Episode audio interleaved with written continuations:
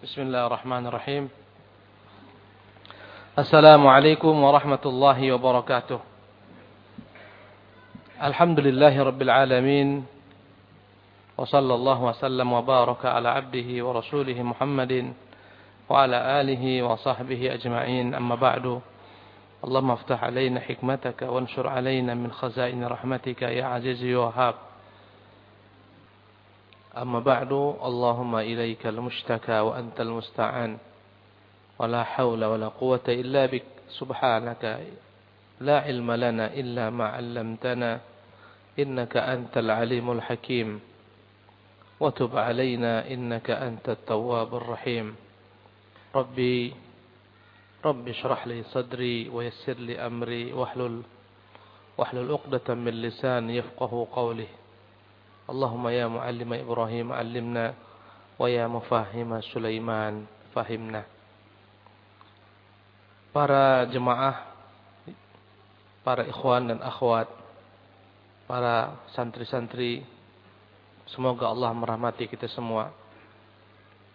Pertama-tama marilah kita senantiasa mensyukuri nikmat Allah dengan cucuran rahmat, hidayah, taufik, inayah. Kita sampai di tempat ini dan semoga Allah Jalla fi'ula senantiasa memudahkan kita untuk istiqamah dalam menimba ilmu, mengamalkannya, mendakwakannya dan bersabar di atas jalannya. Dan semoga Allah mengampuni dosa-dosa kita. Mengampuni kesalahan-kesalahan kita, kenaifan diri kita. Dan mewafatkan kita seluruhnya di atas husnul khatimah. Salawat dan salam senantiasa tercurah kepada junjungan alam semesta, Nabiul Rahmah, khairu man wata'a thara sebaik-baik manusia yang pernah menapaki bumi ini Muhammad ibn Abdullah.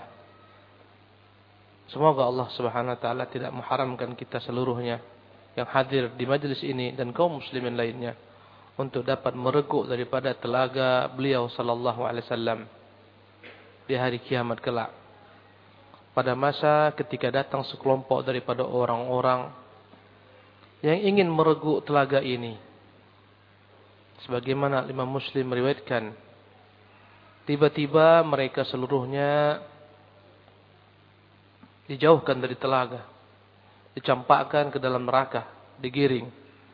Maka berkatalah ketika itu Rasulullah sallallahu alaihi wasallam ummati ummati ya Allah mereka adalah umatku umatku.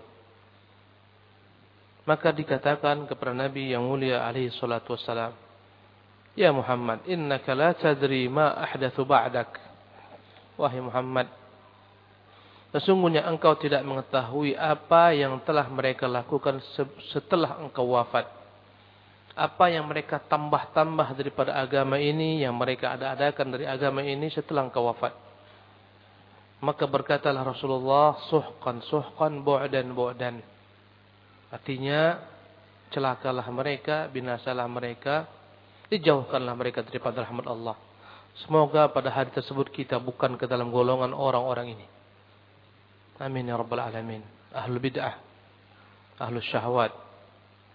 Jemaah sekalian dimuliakan oleh Allah Subhanahu wa taala. Tema kita pada hari ini adalah bergantung dengan sarang laba-laba. Judul ini terambil dari firman Allah Subhanahu wa taala yang terdapat dalam surat Al-Ankabut yang artinya surat laba-laba. Pada ayat yang ke-41. Di mana Allah Subhanahu wa taala berfirman Mathalul ladzina ittakhadhu min dunillahi awliya'a kamathalil ankabuti ittakhadat baitah wa inna awhanal buyuti labaitul ankabut. Law kanu ya'lamun Allah Subhanahu wa taala berfirman perumpamaan orang-orang yang menjadikan dari selain Allah wali-wali yang mereka sembah yang mereka jadikan sebagai tempat bergantung yang mereka jadikan sebagai tempat berharap. Perumpamaan orang yang menjadikan wali-wali ini dari selain Allah sebagai tempat berharap, bergantung, mencurahkan semua doa-doa mereka Kama salil angkabut. Bagaikan perumpamaan al-angkabut. Apa artinya al-angkabut? Adik-adik. Laba-laba. Kama salil angkabut ittakhadat baita. Bagaikan perumpamaan laba-laba yang membuat sarangnya. Yang dianggap sarangnya ini kuat, kokoh, dan begitu kuatnya bergantungnya laba-laba dengan sarangnya ini. Kata Allah, wa inna awhanal buyuti la baitul ankabut. Sesungguhnya rumah yang paling lemah, selemah-lemahnya rumah adalah rumah atau sarang laba-laba. Lau kanu ya'lamun, seandainya lah mereka mengetahuinya. Maka ketergantungan para penyembah-penyembah selain Allah kepada berhala-berhala mereka. Dan berhala dalam bahasa Arab namanya adalah watan. Bukan hanya patung. Kalau patung dalam bahasa Arabnya sanam. Wathan, segala sesembahan dari selain Allah namanya wathan. Ketergantungan orang-orang musyrikin kepada al-wathan. Berhala-berhala mereka. Berhala ini bisa berwujud batu-batu yang dipahat menjadi patung-patung. Bisa berwujud kayu-kayu yang dipahat menjadi patung-patung. Ya, bisa berwujud pohon-pohon besar yang dikeramatkan. Bisa berwujud batu-batu besar yang diagungkan. Bisa berwujud sapi-sapi yang dimuliakan dan dikultuskan. Ada enggak sapi yang dikultuskan? Ada. Apa gelarnya? Punya gelar dia. Ya. Kiai gelarnya. Sapi-sapi yang dikultuskan. Kalau sapi ini dikeluarkan, jangan diganggu. Orang berebut memperebutkan kotorannya. Tidak percaya antum? Tanya kepada yang tahu. Subhanallah. Bisa berbentuk ya matahari yang disembah, bintang-bintang yang diibadati, bulan, planet-planet, petir, api yang dikultuskan semuanya masuk ke dalam nama berhala. Perumpamaan orang-orang gantung dengan seluruh makhluk ini masuklah ke dalamnya jin-jin yang disembah dari selain Allah. Kemudian malaikat-malaikat yang disangka kaum musyrikin mereka menyembah malaikat dari selain Allah. Nabi-nabi yang diangkat sebagai Tuhan dari selain Allah. Sebagaimana Isa bin Maryam diangkat sebagai Tuhan oleh para pengikut agama Nasara. Sebagaimana Uzair dia diangkat sebagai Tuhan bagi para pengikut Yahudi. Waqalatil Yahudu Uzair ibn Allah. Berkata orang-orang Yahudi Uzair itu anak Allah. Waqalatil Nasara al-Masih ibn Allah. Berkata orang-orang Nasara Isa anak Allah. Berhala ini berwujud wali-wali yang dikeramatkan baik ketika dia hidup ataupun ketika dia telah meninggal. Dikultuskan dijadikan sebagai tempat bergantung dari selain Allah Subhanahu wa taala. Dianggap memiliki bagian daripada rububiyah, kekuasaan yang mutlak milik Allah. Bahwasanya mereka wali-wali ini turut serta mengatur alam. Wali-wali ini punya hak memasukkan siapa-siapa yang dia kendaki ke dalam surga. Mengeluarkan siapa-siapa yang dikendaki dari dalam neraka. Wali-wali ini mengetahui isi yang terdapat dalam lauh mahfuz. Wali-wali ini mengetahui gerak kalam maka segala macam bentuk sesembahan ini namanya berhala yang dijadikan tempat bergantungnya orang-orang musyrikun persis bergantungnya mereka dengan Tuhan-Tuhan ini yang mereka anggap kuasa mendatangkan bagi mereka manfaat Kuasa melalak daripada mereka mudarat. Kuasa membahagiakan hidup mereka. Kuasa memberikan rezeki kepada mereka. Semua iktikad ini. Semua ketergantungan ini kepada Tuhan-Tuhan dari selain Allah. Bagaikan ketergantungan. Apa tadi? Apa? Laba-laba dengan sarangnya. Dan Allah mengatakan wa inna auhanal buyuti la baitul. Sungguh selemah-lemahnya sarang adalah sarang laba-laba. Allahu Akbar. Para hadirin dimuliakan oleh Allah Subhanahu wa taala. Laba-laba, sarang laba-laba, ya. Mungkin kena dahan dia runtuh, kena angin dia hancur, kena hujan dia selesai. Dan laba-laba menganggap sarangnya yang paling hebat, sarangnya yang paling kuat. Subhanallah. Ya. Dan ini tafsiran para ahlu tafsir. Menyebutkan betapa lemahnya sarang laba-laba, betapa bangganya laba-laba dengan sarangnya. Subhanallah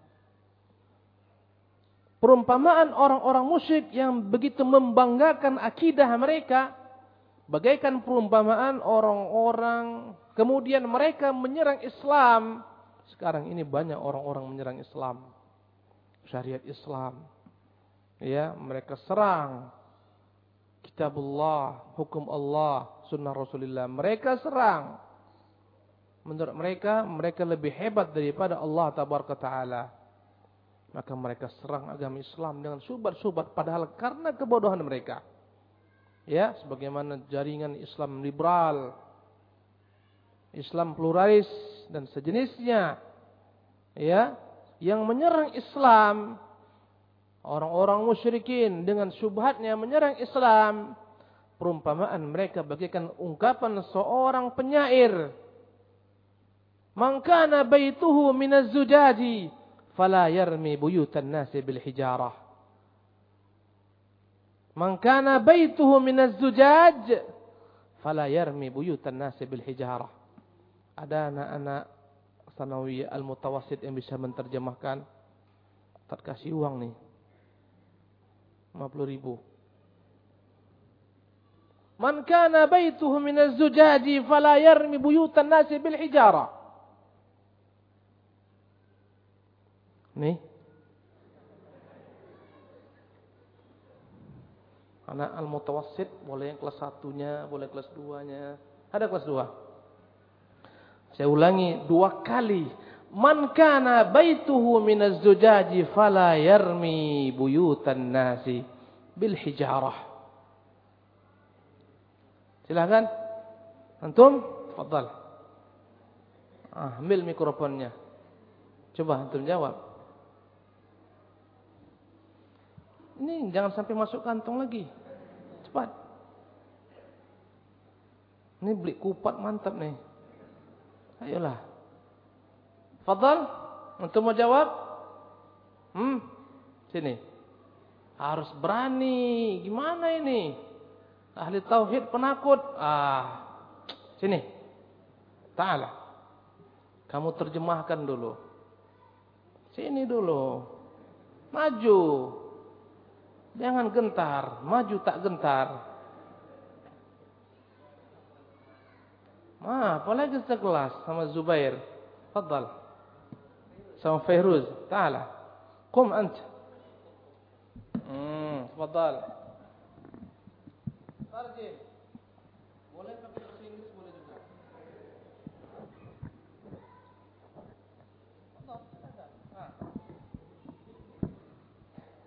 Barang siapa yang rumahnya terbuat dari kaca maka jangan melempar ke rumah on manusia dengan batu. Mumtaz.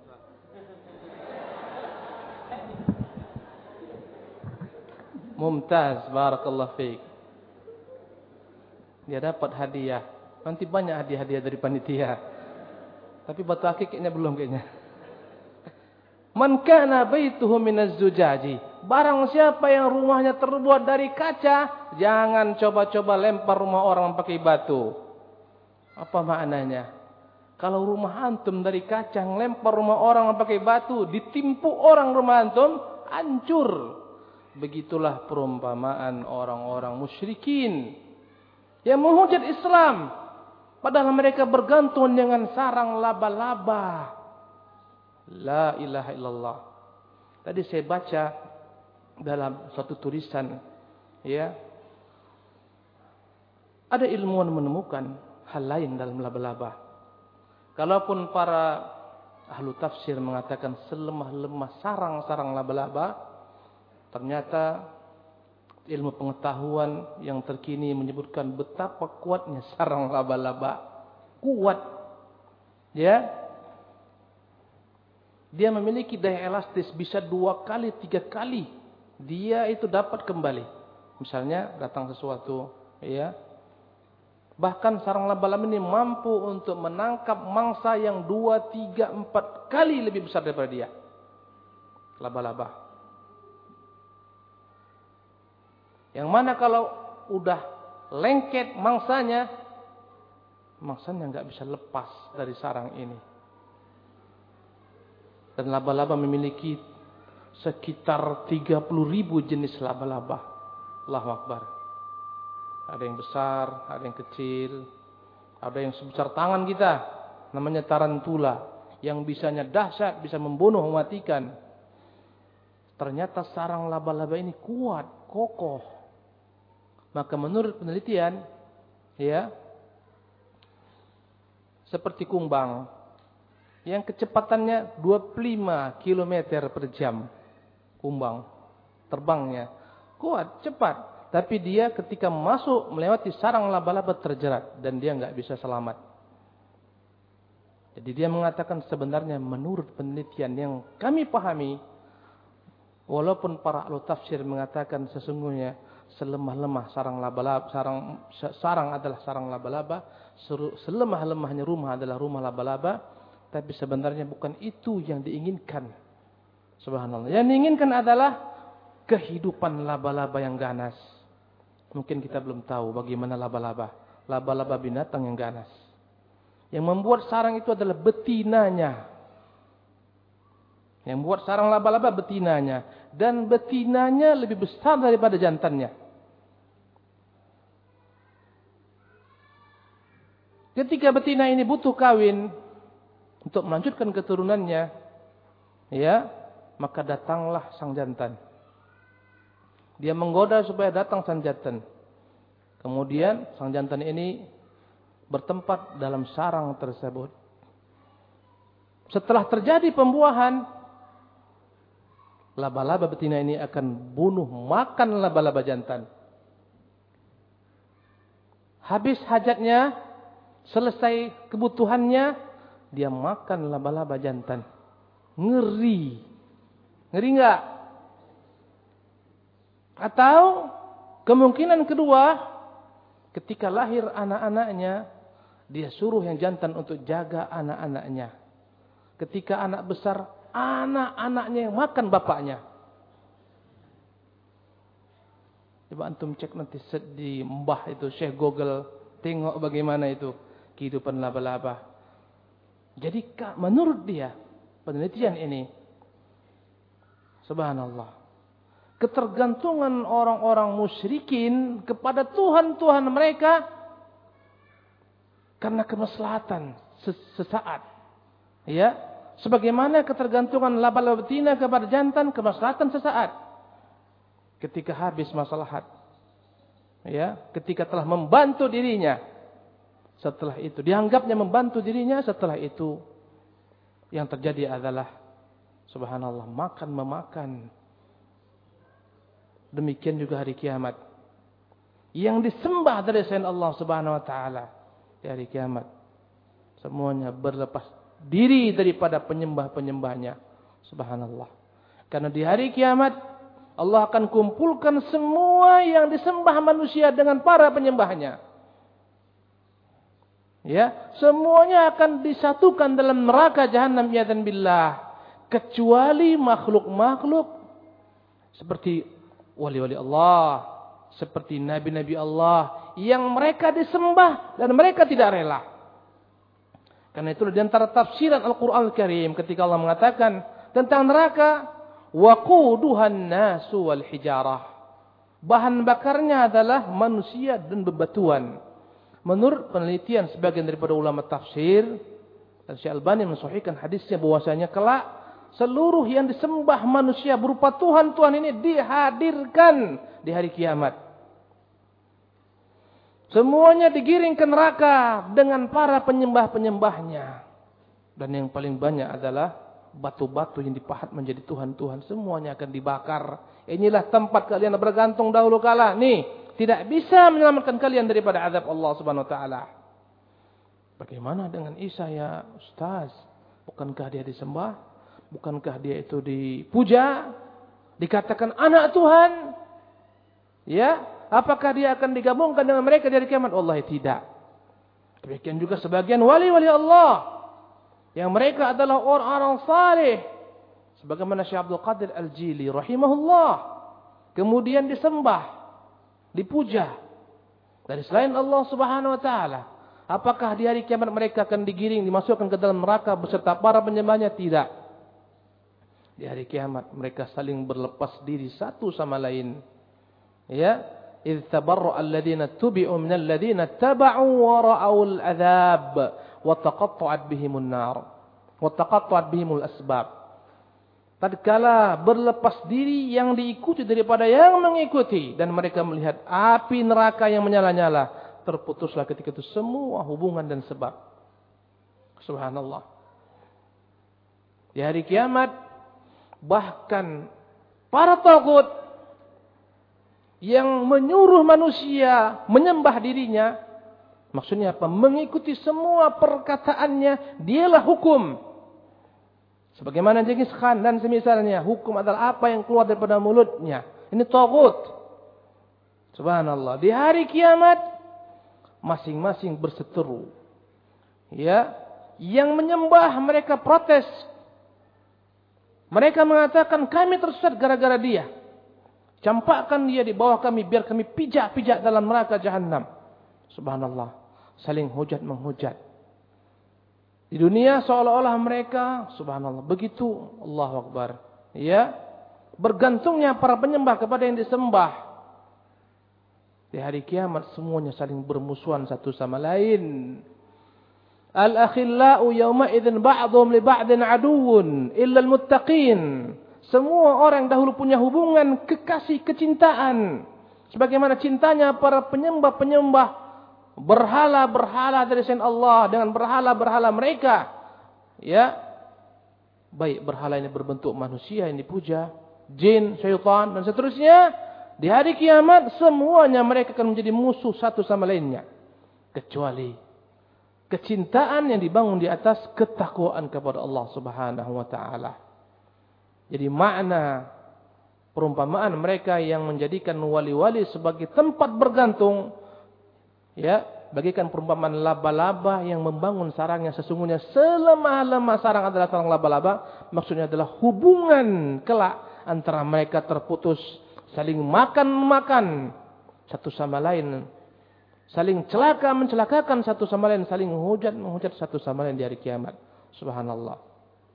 Jemaah yang dimuliakan oleh Allah Subhanahu wa taala.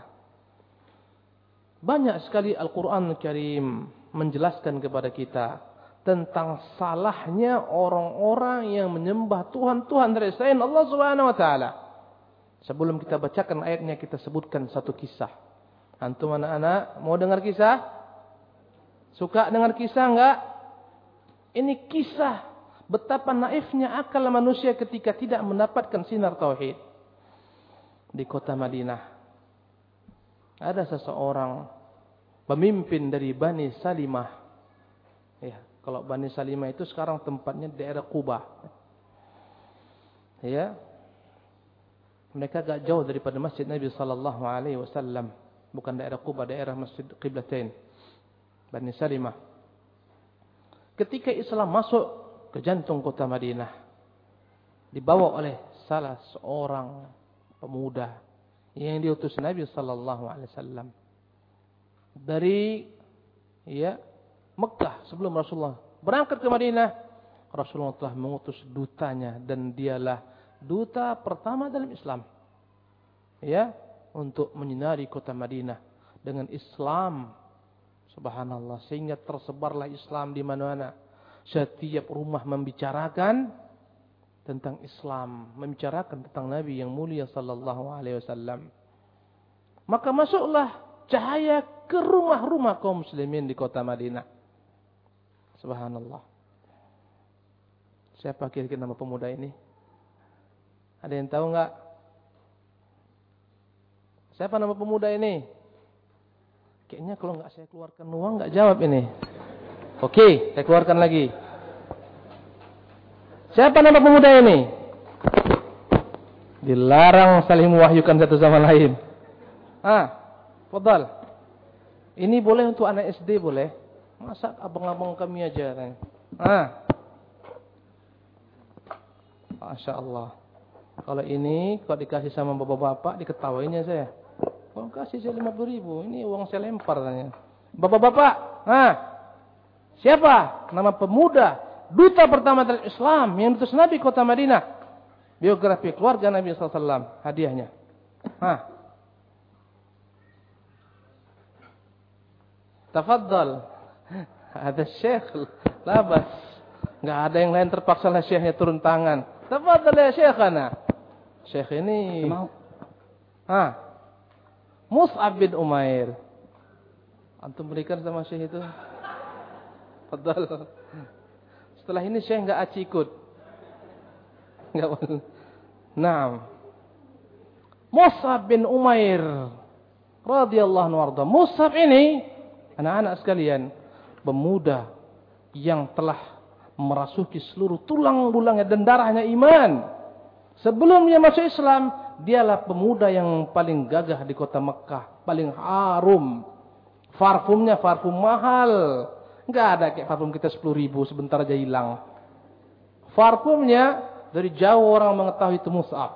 Anak orang kaya, pakaiannya bagus, perlente. Ketika mulut Islam ditelanjangi oleh orang tuanya. Subhanallah. Diikat, dikurung, Dicabut semua kenikmatan. Dan dia pilih Islam atas segala kenikmatan dunia. Berangkatlah dia setelah lepas daripada rumah orang tuanya.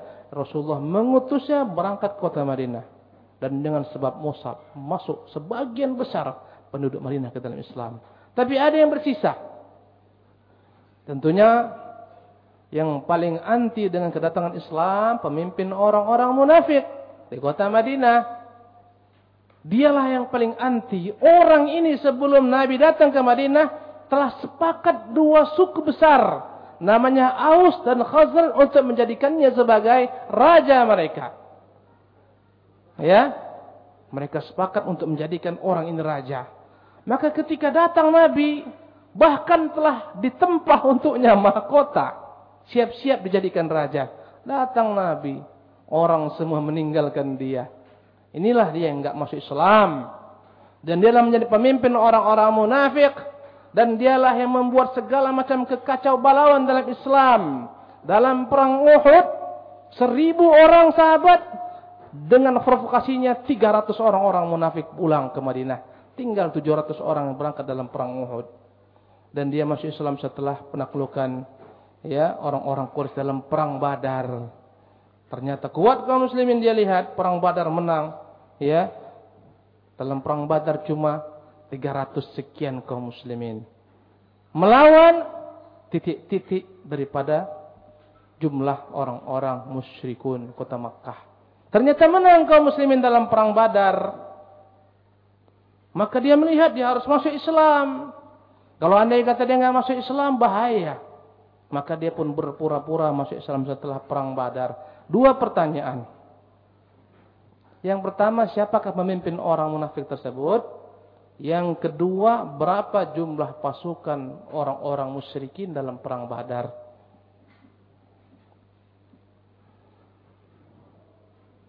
Ada dua kitab ketika hidayah menyapa. Akidah salaf ashabul hadis. Siapa yang jawab? Syekh enggak boleh ikut. Tafadhal, silakan Bapak. Antum kasih mikrofon. Antum ulangi lagi. Abdullah bin Ubay jumlah pasukan musyrikin seribu. Ada sponsor. Mantap kayaknya nih. Abdullah bin Ubay. Jumlah pasukan seribu. Jumlah pasukannya seribu. Dua-dua dia ambil, subhanallah. Ini dua-dua untuk antum ini. Dua pertanyaan langsung dijawab. Namanya Abdullah bin Ubay bin Salul. Pemimpin orang-orang munafik. Dan jumlah pasukan Quraisy ketika itu adalah seribu orang dalam perang Badar. Siapa nama antum pak? Supriyadi. Berarti dia hobi sejarah ini. Subhanallah. Barakallah fiqh. Maka Islam telah masuk di kota Madinah. Allahu Akbar. Ya. Berbondong-bondong mereka melalui Islam. Tapi ada seseorang. Nanti nama orang ini terakhir antum jawab. Yang berhasil menjawabnya saya kasih 50 ribu. Ya. Dari panitia ini. Sponsor. Bentar lagi keluar sponsor-sponsor lainnya kayaknya nih. Tersebarlah Islam di seluruh kota Madinah. Ada seseorang pemimpin Bani Salimah. Enggak boleh ya, enggak aci lihat Syekh Google, enggak boleh. Enggak boleh tanya Syekh Google. Dia ini belum menerima Islam. Padahal putranya yang bernama Mu'ad telah masuk Islam. Bahkan putranya adalah utusan bayat. Bayatul Aqabah putranya ikut. Subhanallah. Dalam bai'atul aqabah putranya ikut. Tapi orang tua kadang-kadang payah mendengarkan kata anak-anak. Ya enggak? Berat. Mereka masih lebih pandai daripada anak-anak. Sehingga dia tidak terima Islam. Ya. Maka dia ini ingin sekali kalaulah yakni sang anak Muad ini ingin kalaulah orang tuanya memeluk Islam, memeluk hidayah agama fitrah orang tuanya ini punya patung yang dipahat dari kayu. Patungnya dipanggil manat. Patungnya dikasih parfum, patungnya dielus-elus. Ya, digosok-gosok kayak batu akik supaya mengkilat.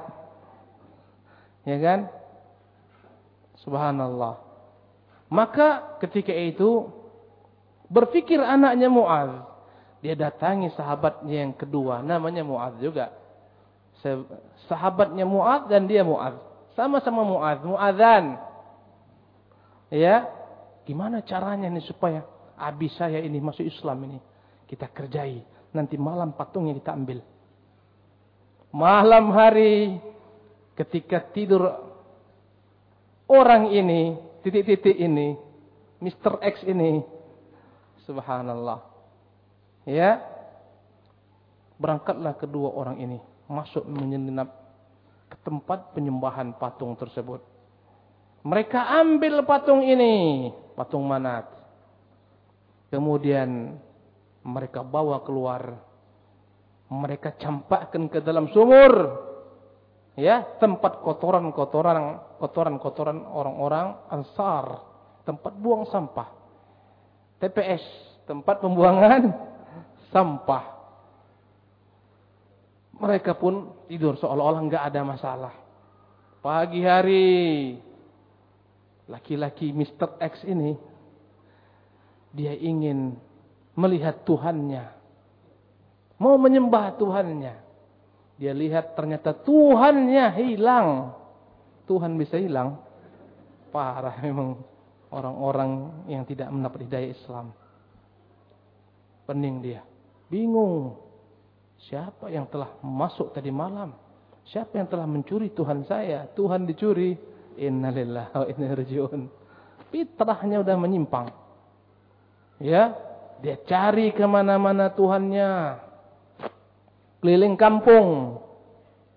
Sampai ke TPS-TPS tempat pembuangan-pembuangan sampah. Dapatlah Tuhan di sana tersungkur bercampur baur dengan kotoran-kotoran apa pun di sana ada. Dia nangis, dia turun ke sumur itu, dia ambil Tuhannya, Tuhanku, siapa yang kurang ajar kepadamu ini? Dia bawa Tuhannya ke rumah, dimandikan, Tuhan dimandikan. Dimandikan Tuhannya. Ya. Kalau bayi dikasih bedah, dikasih parfum, diletakkannya lagi Tuhannya. Dah. Malam kedua putranya nggak bosan. Belum sadar juga abi kita ini. Itu bukan Tuhan. Tuhan tuh, bukan Tuhan itu. Itu hantu, Tuhan tuh. Mereka nginap, dipastikan tidur orang tuanya. Kembali mereka ambil. Taruhkan tempat TPS semula. Pagi-pagi, hilang Tuhannya. Dia marah besar. Kalau aku tahu siapa yang mencuri Tuhanku, akan ku, aku siksa dia. Aku berikan kepadanya pelajaran. Seketika langsung ke tempat TPS awal. Tempat pembuangan sampah awal. Berangkat. Dia lihat kembali Tuhannya tersungkur dalam keadaan yang sama persis. Kembali dia cuci, dia bersihkan, merepet-repet dia sepanjang jalan. Ya, Kemudian pada malam ketiga capek dia ngurus Tuhannya ini. Tiap malam kau hilang. Nih kau ambil pedang nih. Diletakkannya pedang. Dikalungkannya ke leher Tuhannya. Kalau kau memang betul-betul Tuhan. Mampu kau jaga dirimu sendiri. Nih pedang. Siapkan untukmu. Ya. Allah Akbar. Malam hari dia pun tidur. Dia bilang. Kalau ini Tuhan pasti dia akan bela dirinya ini. Maka kalau anda kata Tuhan, nggak bisa bela diri. Bukan Tuhan, Tuhan tuh. Nggak bisa bela diri dia. Ya, sebagaimana anggapan orang-orang Nasara. Tuhan mereka dibunuh, disiksa, disalib. Dan dia nggak mampu. Oh bahaya ini. Subhanallah, bukan Tuhan yang nggak mampu melindungi dirinya sendiri, apalagi Tuhan yang mati Tuhan yang disiksa, Tuhan yang hilang, ya, Tuhan yang masuk ke dalam tong sampah, bukan Tuhan. Allah Akbar. Maka malam hari enggak peduli mereka. Subhanallah. Pedangnya diambil, dipisahkan, dilepaskan. Mereka cari bangkai. Ini paling parah, penghinaan sebesar-besarnya. Dapat mereka bangkai anjing. Mereka ikat anjing ini yang telah menjadi bangkai dengan mana Tuhan mana tersebut. Mereka campakkan di tempat TPS yang lebih jauh. Pagi hari dia pening. Mana Tuhanku ini? Dia berangkat ke TPS awal nggak ada. Dia cari ke mana-mana dapatlah Tuhannya. Dia lihat Tuhannya terikat dengan bangkai anjing. Dia berkata, manalah ada kebaikan pada Tuhan yang diikat sama-sama dengan bangkai anjing nggak ada beda. Subhanallah. Kemudian dinasihati oleh kaum muslimin. Itulah Tuhanmu itu. Itu Tuhan. Tuhan tuh. Bela diri nggak bisa. Subhanallah. Masa Tuhan diikat rela dengan bangkai anjing dimasukkan ke dalam ya ke dalam sumur dan akhirnya dia pun memeluk Islam dan bagus Islamnya. Dan orang ini akhirnya mati syahid. Dia pincang. Pincangnya parah. Dalam perang Uhud dia maksa kepada Rasulullah. Datang ketika itu anak-anaknya, putra-putranya. Mereka mengatakan, ya, putra-putranya mengatakan, ya Rasulullah, abi kami janganlah ikut perang. Dia itu pincang kakinya parah. Biar dia jaga mahram-mahram kami, harim-harim kami. Ya, setelah itu dia datang kepada Rasulullah. Ya Rasulullah, saya enggak mau di rumah. Saya mau ikut perang bersama anda. Kata Rasulullah, bukankah Allah telah memberikan kepadamu keringanan, uzur dengan keadaanmu seperti ini? Ya Rasulullah, wallahi saya ingin meminjakkan surga dengan kaki saya yang pincang ini. Akhirnya dengan keinginan yang keras, Rasulullah memberikan kepadanya kesempatan ikut berperang pada perang Uhud. Dan dia terbunuh pada perang Uhud. Pertanyaan saya, siapakah nama orang ini? Uang ini hanya boleh untuk anak-anak, orang-orang dewasa nggak boleh. Hah? Cepat. Siapa nama orang ini? Mr. X ini. Yang nama anak-anak boleh. Kalau anda kata orang tua angkat tangan berarti dia. Hah? Anda nggak rela ngasihkan uang ini kayaknya ke orang tua lah. Masih ada buku panitia. Satu lagi aja. Kalau nggak ada yang jawab, tunda. Nggak lewat, nggak ada bagi dia. Ah, kalau orang tua nih, anak-anak nih, siapa namanya? Tafadhal. Kalau antum ini bukan orang tua pastinya nih. Tafadhal. Siapa namanya? Siapa nama laki-laki ini? Zaid bin Zaid Zaid bin Sahal. Laisa sawaban. Enggak benar. Tak apa, dia telah ber, ber, ber, berikhtiar dan dengan niatnya dapat pahala insyaallah taala. Yang lain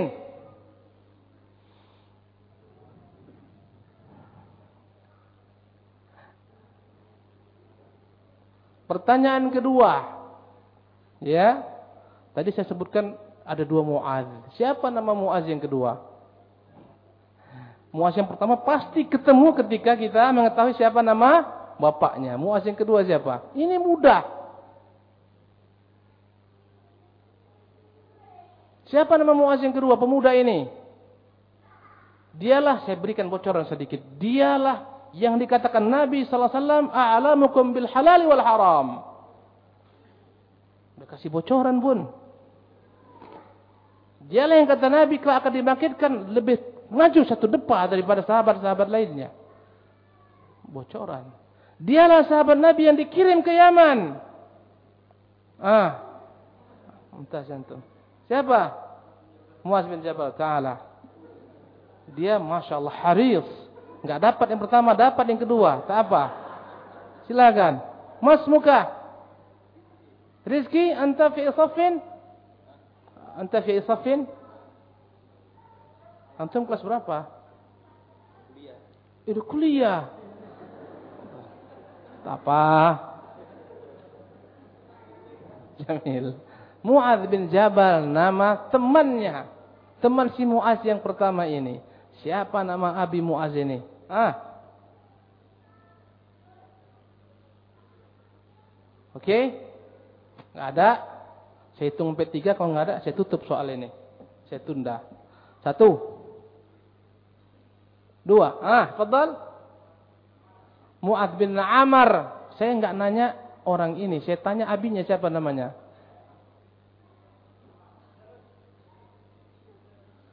Amar bin bin As Setengah bukunya ini. Hah? Amr bin Jamu. Antum nanya sama saya Google ya.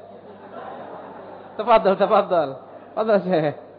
Amr bin Jamu. Fadhal, Masya Allah. Tafadhal, barakallahu fiik. Baik. Ya, ini antum kasih sama beliau ini. Beliau yang tadi yang jawab Amr tadi benar itu. Tapi binnya Baik. Para ikhwan yang dimuliakan oleh Allah Subhanahu wa taala. Inilah kisah betapa lemahnya Tuhan-Tuhan yang disembah dari selain Allah Subhanahu wa taala. Allahu akbar. Saya teringat kisah Ibrahim Al-Khalil alaihi salatu wassalam. Bagaimana dia subhanallah mendebat orang-orang musyrikin Inilah perumpamaan Tuhan-Tuhan dari selain Allah Subhanahu wa taala. Ya. Dalam surat Asy-Syu'ara, antum catat aja suratnya nanti antum lihat sendiri. Dari ayat yang ke-69 sampai 81 ada di sana terdapat dialog antara Ibrahim dan orang-orang musyrikin di kala itu. Allah berfirman, "Watlu 'alaihim naba Ibrahim." bacakan kepada mereka wahai Muhammad kisah Ibrahim. Li abihi wa qaumihi ma ta'budun? Tatkala Ibrahim berkata kepada ayahnya dan kepada kaumnya, ayahnya bernama Azar dan kepada kaumnya, apa yang kau sembah ini? Qalu na'budu asnaman fanadhallu laha akifin. Mereka menjawab, kami menyembah berhala-berhala dan kami akan terus menerus sabar, konsekuen untuk senantiasa menyembahnya. Ya makna akifin beriktikaf mana aja adalah mulazamatul makan akan terus menerus setia menyembah berhala-berhala ini. Jadi ini dialog tanya jawab. membuka akal-akal manusia. Begitulah seharusnya kita berdialog dengan orang-orang musyrikin. Ini Tuhan-Tuhan yang kalian sembah ini api, batu-batu yang kalian sembah ini. Ya. Tanya kepada mereka. Qala berkata Ibrahim, "Hal yasma'unakum id tad'un?" Apakah mereka ini berhala-berhala yang kalian sembah ini mendengar kalian tatkala kalian menyerunya? Tanyakan kepada para penyembah berhala. Ini api yang kau panggil kira-kira dia mendengar. Matahari yang kau panggil, yang telah mati yang kau panggil. Patung-patung yang kau panggil, apakah mereka mendengar? Apakah kira-kira berhala-berhala ini bisa membahayakan kalian atau memberikan kalian keberuntungan? Dapatkah berhala-berhala ini memberikan kalian keuntungan? Sebagaimana itikad orang-orang musyrikin, berhala-berhala mereka mendatangkan keuntungan. Subhanallah. Dan sebagian daripada kaum muslimin terkadang bergantung dengan ya Kadang-kadang ada putu-putu kiai yang mereka kultuskan dijadikan sebagai jimat. Subhanallah. Ya. Di daerah daerah kita di Batam sana ada putu yang telah lama usang. Seorang tua pakai peci hitam. Ya, saya lihat pertama kali di salah satu rumah makan.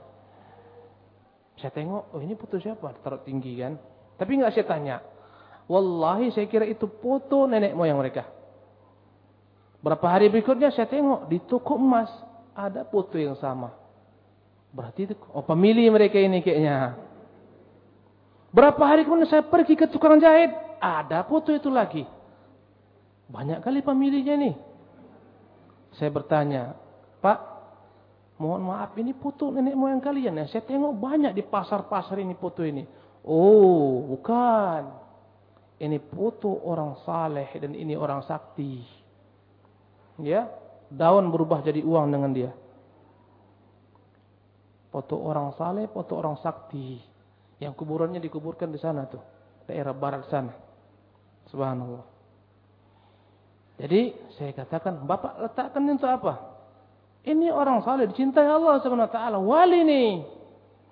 Dengan harapan fotonya saya gantungkan, kecintaan saya kepada dia, memuliakan dia, meletakkan fotonya ini, fotonya ini akan membuat datang cucuran rahmat Allah kepada saya.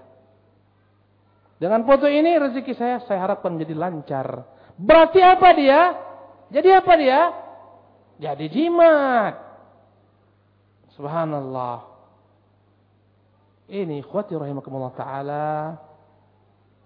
Ketergantungan yang salah. Maka berkata Ibrahim, Hal yanfa'unakum. Kata Ibrahim Al-Khalil, Ayu au yanfa'unakum au yadurrun. Apakah patung-patung ini mendatangkan untukkan keberuntungan? Sebagian orang sekarang bukan patung aja. Karena lagi musim demam batu akik, batu akik Kadang-kadang harganya miliaran rupiah. Bukan gara-gara batu akiknya, tapi karena ada. Katanya apanya? Isinya. Bukan akik sembarang akik, tapi akik yang punya isi. Itu kata mereka. Wallahi ini kesyirikan. Ini batu membuat kaya raya nih. Berapa harganya? Udahlah untuk antum 29 miliar aja beli. 10 miliar lah enggak 29 miliar. Wallahi, yang membeli batu akik ini untuk tujuan itu dengan harga seperti itu bahlul. Tahu antum bahlul? Tanya kepada ami-ami antum ini. Tahu mereka itu. Subhanallah. Yang namanya makhluk lan yanfa' walan yadur. Tidak bisa mendatangkan manfaat, tidak pula menolak mudarat. Suatu ketika datanglah Umar bin Khattab ketika tawaf dia mencium hajarul aswad. Dan ini batu yang benar-benar wallahi batu yang murni dari surga turun. Dalam hadis yang sahih. Kalah semua batu akik ini. Batu surga. Allah turunkan dari surga batu akik. Bukan batu akik. Batu Hajarul Aswad. Dan batu ini pernah dicuri itu oleh orang-orang Qarami atau orang-orang Syiah, Rafidah. Bertahun-tahun, berpuluh bahkan subhanallah. Enggak salah 200 tahun itu batu ada pada mereka. Baru dikembalikan dengan dibayar mahal-mahal. Apa kata Umar? Inni la a'lamu annaka hajarun la tanfa' wa la tadur.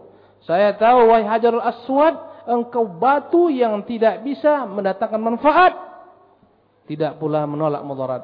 Laula anna Rasulullah SAW qabbalaka ma qabbaltuka. Kalau seandainya Nabi tidak menciummu, saya tidak akan pernah menciummu. Berarti kita mencium Hajar Aswad bukan dengan etikad Hajar Aswad mendatangkan manfaat, menolak mudarat hanya karena mengikuti siapa? Rasulullah yang menciumnya dan berkata Nabi, "Khudhu anni manasikakum." Ambil dariku bagaimana cara beribadah kalian. Bahkan Ka'bah yang Allah muliakan. Kita sujud bukan menyembah Ka'bah. Kita sujud menyembah Allah, tapi Ka'bah adalah merupakan kiblat arah menyatukan seluruh kaum muslimin. Kadang-kadang orang-orang musyrikin ini menghujat Islam. Mereka mengatakan, wahai kaum muslimin, kalian melarang menyembah batu. Kalian menyembah batu. Kenapa demikian? Itu Ka'bah kalian sembah. Wallahi kita katakan kami tidak pernah menyembah Ka'bah. Ka'bah adalah merupakan kiblat yang menyatukan kami seluruhnya. Katakan, ini untuk mengatur Islam. Bayangkan kalau nggak ada kiblat kita. Bagaimana sholat di masjid ini? Ada yang arah ke, ke utara, imamnya ke arah utara, makmum ke arah selatan. Kacau balau kalau nggak ada kiblat yang menyatukan kita. Bayangkan, ya, nanti ketika sholat ada yang ke timur, ke utara, ke selatan. Kacau balau. Ka'bah bukan kita sembah. Dia adalah kiblat dan kita mengarahkan ke sana atas perintah Allah.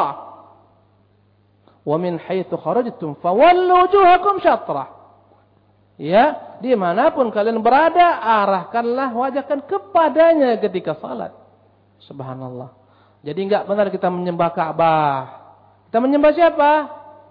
Allah tabaraka wa ta'ala yang melintahkan kita ke arah sana. Subhanallah. Kembali kepada dialog Ibrahim. Apa jawaban mereka ketika ditanya apakah berhala-berhala ini wahai kaumku, wahai ayahanda, ayahku. Siapa nama ayahnya? Azar. Apakah ini yang kalian sembah memberikan manfaat kepada kalian ataukah menolak dari kalian mudarat? Apa jawaban mereka? Qalu bal wajadna aba'ana kadzalika yaf'alun. Inilah hujah seluruh ahlu, ahlu syirki orang-orang musyrik sepanjang masa sampai hari kiamat. Dalilnya adalah dalil apa? Kami dapati orang-orang tua kami begini mereka beragama. Kami dapati inilah cara menyembah orang-orang tua kami. Inilah yang mereka perbuat. Artinya apa? Wallahi di antara penghalang hidayah adalah fanatik, ta'assub, taklid buta, mengikuti warisan leluhur yang salah, yang sesat. Wallahi kita bukan menghinakan yang terdahulu daripada kita. Tidak. Kita enggak pernah menghinakan mereka. Kita bersyukur dengan segala macam kebaikan mereka. Tatkala mereka salah, jangan kita ikuti kesalahan-kesalahan mereka. Subhanallah. Jadi jawaban kaumnya Ibrahim, mereka mengatakan, Bal wajadna aba'ana kadzalika yaf'alun. Semua ini kami lakukan hanya mengikuti siapa?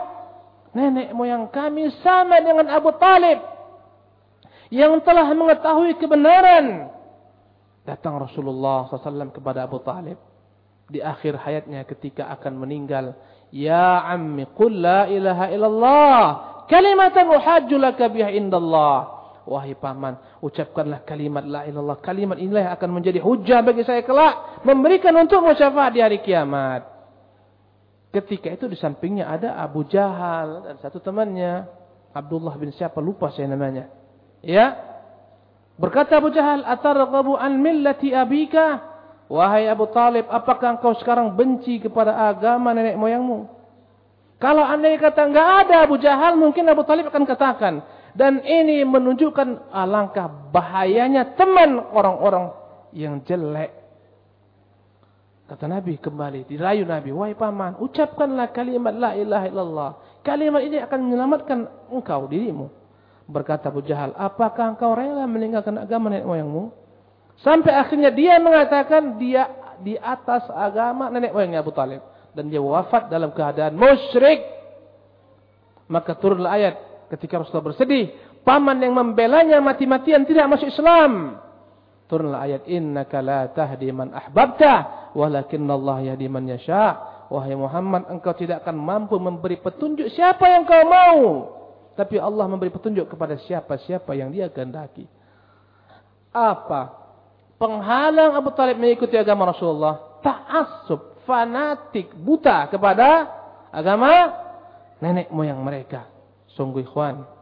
Kita berhadapan dengan cara beragama seperti ini. Di sebagian kaum muslimin kita katakan, inilah agama Rasulullah. Ini dalilnya. Ini Quran. Ini para sahabat mengerjakan demikian. Ini Imam Syafi'i melakukan demikian. Ini Imam Syafi'i kita loh. Kata mereka, enggak. Orang-orang tua kita enggak seperti ini ngajarkan. Kan ini bawa paham baru ini. Orang tua kita dahulu kala enggak seperti ini. Inilah namanya fanatik ta'asub yang tercelah. Inilah penghalang hidayah. Subhanallah. Apa kata Ibrahim? Subhanallah. Qala afara'aitum ma kuntum ta'budun? Wahai kaumku, tahukah apa-apa yang kalian sembah? Antum wa abahukumul aqdamun yang kalian sembah maupun nenek moyang kalian terdahulu, fa innahum aduwwun li. Semuanya mereka musuh bagiku. Allahu akbar. Ibrahim begitu kuat Ibrahim. Ketika itu hanya dia sendiri beriman. Ya, tentang seluruh manusia. Subhanallah. Ya, fa innahum aduun li semua yang kalian sembah dan nenek moyang kalian semua musuh bagi saya. Illa rabbal alamin, kecuali Tuhan pencipta alam semesta. Alladhi khalaqani. Dialah Tuhan yang telah menciptakan saya. Apakah Tuhan-Tuhan yang disembah manusia bisa mencipta? Apakah Isa bisa mencipta? Wallahi tidak. Apakah Uzair bisa mencipta? Apakah wali fulan bisa mencipta? Tidak ada yang bisa mencipta. Kata Ibrahim, kecuali Rabbul Alamin alladhi khalaqani, dialah pencipta saya. Maka ciri-ciri Tuhan palsu adalah Tuhan yang tidak bisa mencipta. Itu palsu. Subhanallah. Kata Allah, "Afaman yakhluqu kaman la yakhluq?" Apakah sama Tuhan yang mampu mencipta Allah dengan Tuhan yang tidak mampu mencipta semua Tuhan selain Allah Subhanahu taala. Apalagi batu akik. Bagaimana dia mencipta? Dia pun dipatahkan, dia dibelah-belah, dia diasah-asah. Itu mencipta. Itu memberikan rezeki kepada kita. Allah melalui perantara dia laku ketika dijual harga mahal. Nampaklah kita rezeki. Subhanallah. Kata Ibrahim, Walladhi huwa yut'imuni wa yasqin. Dialah Tuhan yang telah memberikan kepada saya makan dan minum. Antum bisa enggak minta kepada berhala-berhala itu makanan? Enggak ada. Bahkan miskinnya sebagian orang berhala-berhalanya dihidangkan makanan dan minuman. Ya enggak? Dibuatlah buah-buahan, dibuatlah sesaji, dihantarkanlah ke depan berhala-berhala ini taruh kue apem yang nikmat citranya lezat, taruh buah apel, taruh nanas, diletakkanlah di altar penyembahan, lewat anak-anak. Sayang ini dibuang-buang, dihembat mereka. Ya, keluarlah dia, syukur Tuhan kita telah makan. Tuhan makan. Tuhan yang bisa makan, pasti dia harus mengeluarkan apa yang dia makan. Isa menjadi Tuhan. Dia makan dan minum. Yang makan minum butuh mencernanya. Allahu Akbar. Tuhan buang air besar. Tuhan buang air kecil. Maka pemarahnya dan murkanya Allah. Ketika mereka mengatakan Isa anak Tuhan. Wa. Mereka berkata Allah telah mengangkat anak, memiliki anak. Ya, laqad ji'tum syai'an idda kalian telah mendatangkan kedustaan yang besar. Takadus samawati yatafattarna minhu wa tanshaqqul ard wa takhirrul jibalu hadda. Hampir-hampir langit pecah belah, bumi terbelah-belah. Langit runtuh, gunung-gunung hancur. An da'u lirrahmani walada. Tatkala mereka mengatakan Tuhan punya anak. Ma yanbaghi lirrahmani an yattakhidha walada. Enggak layak Tuhan punya anak, dia enggak butuh anak. Nanti kalau Tuhan punya anak bakal punya cicit dia, punya cucu. Cicitnya Tuhan. Subhanallah. Maka ikhwan, betapa lemahnya orang-orang musyrik. Akidah mereka itu lemah. Sebagaimana lemahnya sarang laba-laba. Allahu Akbar. Kata Ibrahim, "Wa idza maridtu fahuwa yashfin." Jika saya sakit, Tuhan saya menyembuhkan saya. Subhanallah. Kata orang, batu akik ini bisa menyembuhkan berhala kuburan keramat ini bisa menyembuhkan orang. Ada enggak di masyarakat etikat batil seperti ini? Kalau sakit-sakit enggak sembuh ke dokter, Pak, pergi ke kuburan sana, itu manjur loh. Banyak orang ke kuburan itu sembuh penyakitnya. Ada enggak etikat seperti ini? Ada enggak kaum muslimin? Kalau anda kata anda enggak punya keturunan, lambat, ya ke dokter ke mana-mana sudah, enggak bisa. Enggak ada jalan lain. Pergi ke kuburan sana itu yang dikeramatkan itu kuburan wali. Minta di sana kepada dia. Banyak yang manjur. Ada enggak etikat seperti ini? Subhanallah. Syekh Utsaimin Muhammad Shalih menyebutkan, ya. Ini ada seseorang. Dia punya akal yang sehat. Dia mengetahui ada kuburan yang dikultuskan manusia menjadi berhala tempat merujuknya manusia. Dia berkunjung ke kuburan tersebut untuk sekedar lihat-lihat. Baru sebentar dia datang, datanglah orang lari tergopoh-gopoh. Mengatakan kepada orang yang telah meninggal dalam kubur tersebut, Wahai wali fulan, Wahai wali fulan, sungguh istriku mau melahirkan. Tolong bantu, mudahkan dia dalam melahirkannya. Lari tergopoh-gopoh. Wahai wali fulan, mintaku kepadamu Mudahkan istriku supaya dia melahirkan dengan mudah. Mudahkan persalinannya. Kemudian orang ini pulang kembali ke rumahnya. Datanglah orang yang kedua berlari tergopoh-gopoh. Dan dia pun berkata, wahai wali fulan. Sudah satu minggu anakku nggak kembali pulang. Tolong bantu aku carikan di mana dia. Dipanggil oleh laki-laki ini. Pak, sebelum bapak datang, telah ada orang yang mendahului bapak. Dia minta kepada wali ini untuk memudahkan persalinan istrinya. Sekarang bapak minta untuk mencari anak bapak. Kayaknya sekarang sedang sibuk dia untuk memudahkan persalinan sana. Kadang-kadang anehnya satu kuburan. Orang rame-rame minta semua hajat mereka. Padahal ketika antum hidup saja. Lima orang minta tuntutan satu waktu bisa antum penuhi. Antum ini sedang hidup sekarang nih. Ini antum. Siapa namanya? Niko. Abi Niko bilang, Niko sekarang juga ambilkan untuk Abi cangkir. Kata uminya, sekarang juga Niko keluarkan sepeda. Kata adiknya, Niko sekarang juga tolong ambilkan untuk aku mainan. Tiga permintaan dalam waktu yang sama. Bisa nggak dia penuhi? Dia masih hidup nih, bisa. Dalam waktu yang sama bisa. B, tubuhku satu. Mi, tubuhku satu. D, tubuhku satu. Nggak mungkin aku berpecah-pecah. Membagi tiga. Nggak mungkin. Itu ketika hidup. Bagaimana orang udah mati? Dikelilingi oleh banyak orang, macam-macam mintanya, mintanya pun aneh-aneh. Minta rezeki, minta anak, minta pasangan hidup. Ada dia ke mana-mana, nazar nggak tembus-tembus, ditolak di mana-mana. Nggak ada, melamar semua pintu tertutup. Kata orang tuh di kuburan wali itu manjur, berangkat dia ke sana. Satu waktu mereka menuntut hal yang bermacam-macam. Bahkan ketika hidup aja antum nggak bisa bilang kepada seseorang, tolong mudahkan rezeki saya, nggak bisa. Karena rezeki di tangan Allah SWT. Bahkan antum nggak bisa berkata kepada dokter, Pak dokter sembuhkan saya. nggak bisa. Karena kesembuhan bukan milik dokter. Milik siapa kesembuhan? Milik Allah. Kalau kesembuhan milik dokter, dokter nggak akan pernah sakit dan nggak pernah mati dokter. Dokter sakit, dokter mati. Subhanallah. Lemah ketergantungannya kepada Tuhan-Tuhan ini. Subhanallah. Walladhi yumituni thumma yuhin. Dialah yang telah menghidupkan saya dan dialah yang telah dialah yang mematikan saya dan akan menghidupkan saya kembali. Inilah sifat-sifat Tuhan. Subhanallah. Ya.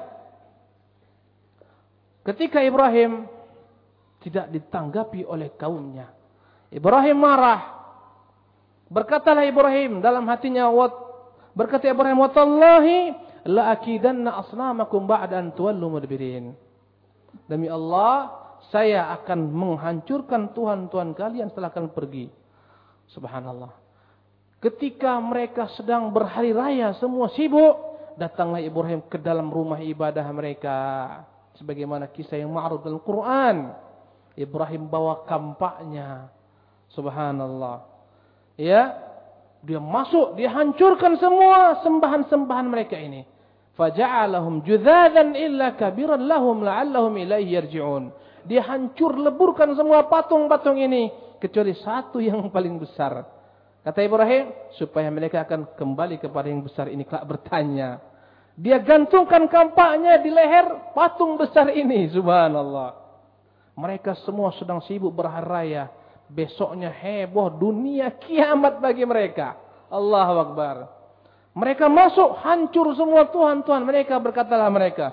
Qalu man fa'ala hadha bialihatina. Siapa yang telah nekat melakukan tindakan ini kepada Tuhan-Tuhan kita? Innahu laminadh zalimin. Sungguh dia telah berbuat kezaliman. Sungguh dia orang zalim. Berkata sebagian masyarakat. Qalu sami'na fatan yadhkuruhum yuqalu lahu Ibrahim. Kami dengar yang menentang agama kita ini seorang pemuda namanya Ibrahim. Sungguh ikhwati rahimakumullah. Pemuda inilah pembawa segala macam bentuk kebaikan. Pemuda inilah pembawa segala macam bentuk kerusakan. Karena itulah masa muda masa yang paling energik untuk semua kebaikan atau semua bentuk kerusakan. Ibrahim pemuda. Allah Akbar. Ini yang semuanya muda-muda di tangan antum inilah agama ini. Hancur. Tidak hanya agama di tangan kita semua ibadah Allah. Yang muda-muda ini semua. Sebagaimana Ibrahim yang muda. Ya, antum tengoklah, semua penjahat-penjahat itu, tukang begal. Ada nggak tukang begal umurnya 80 tahun? Udah bungkuk-bungkuk, begal nggak mungkin. Jalan aja udah matanya udah kabur. Ada, ada nggak perampok bang usianya udah 100 tahun, 90 tahun? Jalan pun udah gini-gini, pemuda. Subhanallah. Kata mereka kami dengar seorang pemuda namanya Ibrahim, dia yang menentang agama kita ini. Marah raja Namrud. Ya. Qalu fa'tu bihi ala ayunin nas. Bawa dia di hadapan seluruh manusia.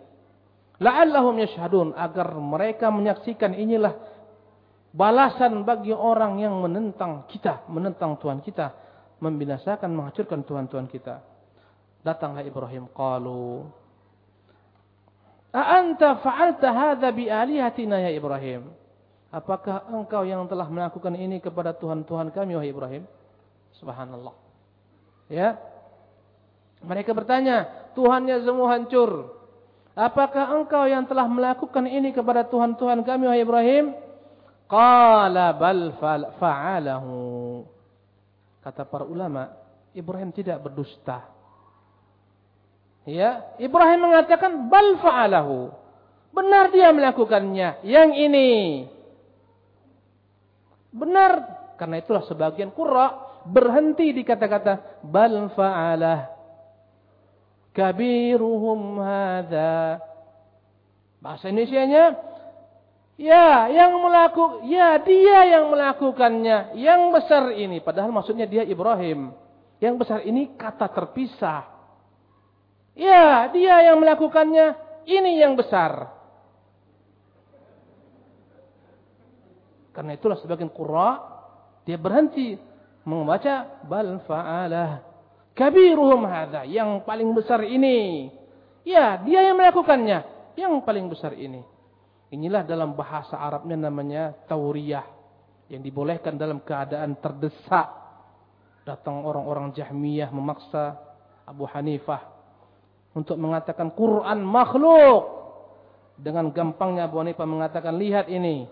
Ya, Quran, Injil, Taurat, Zabur, semua ini makhluk.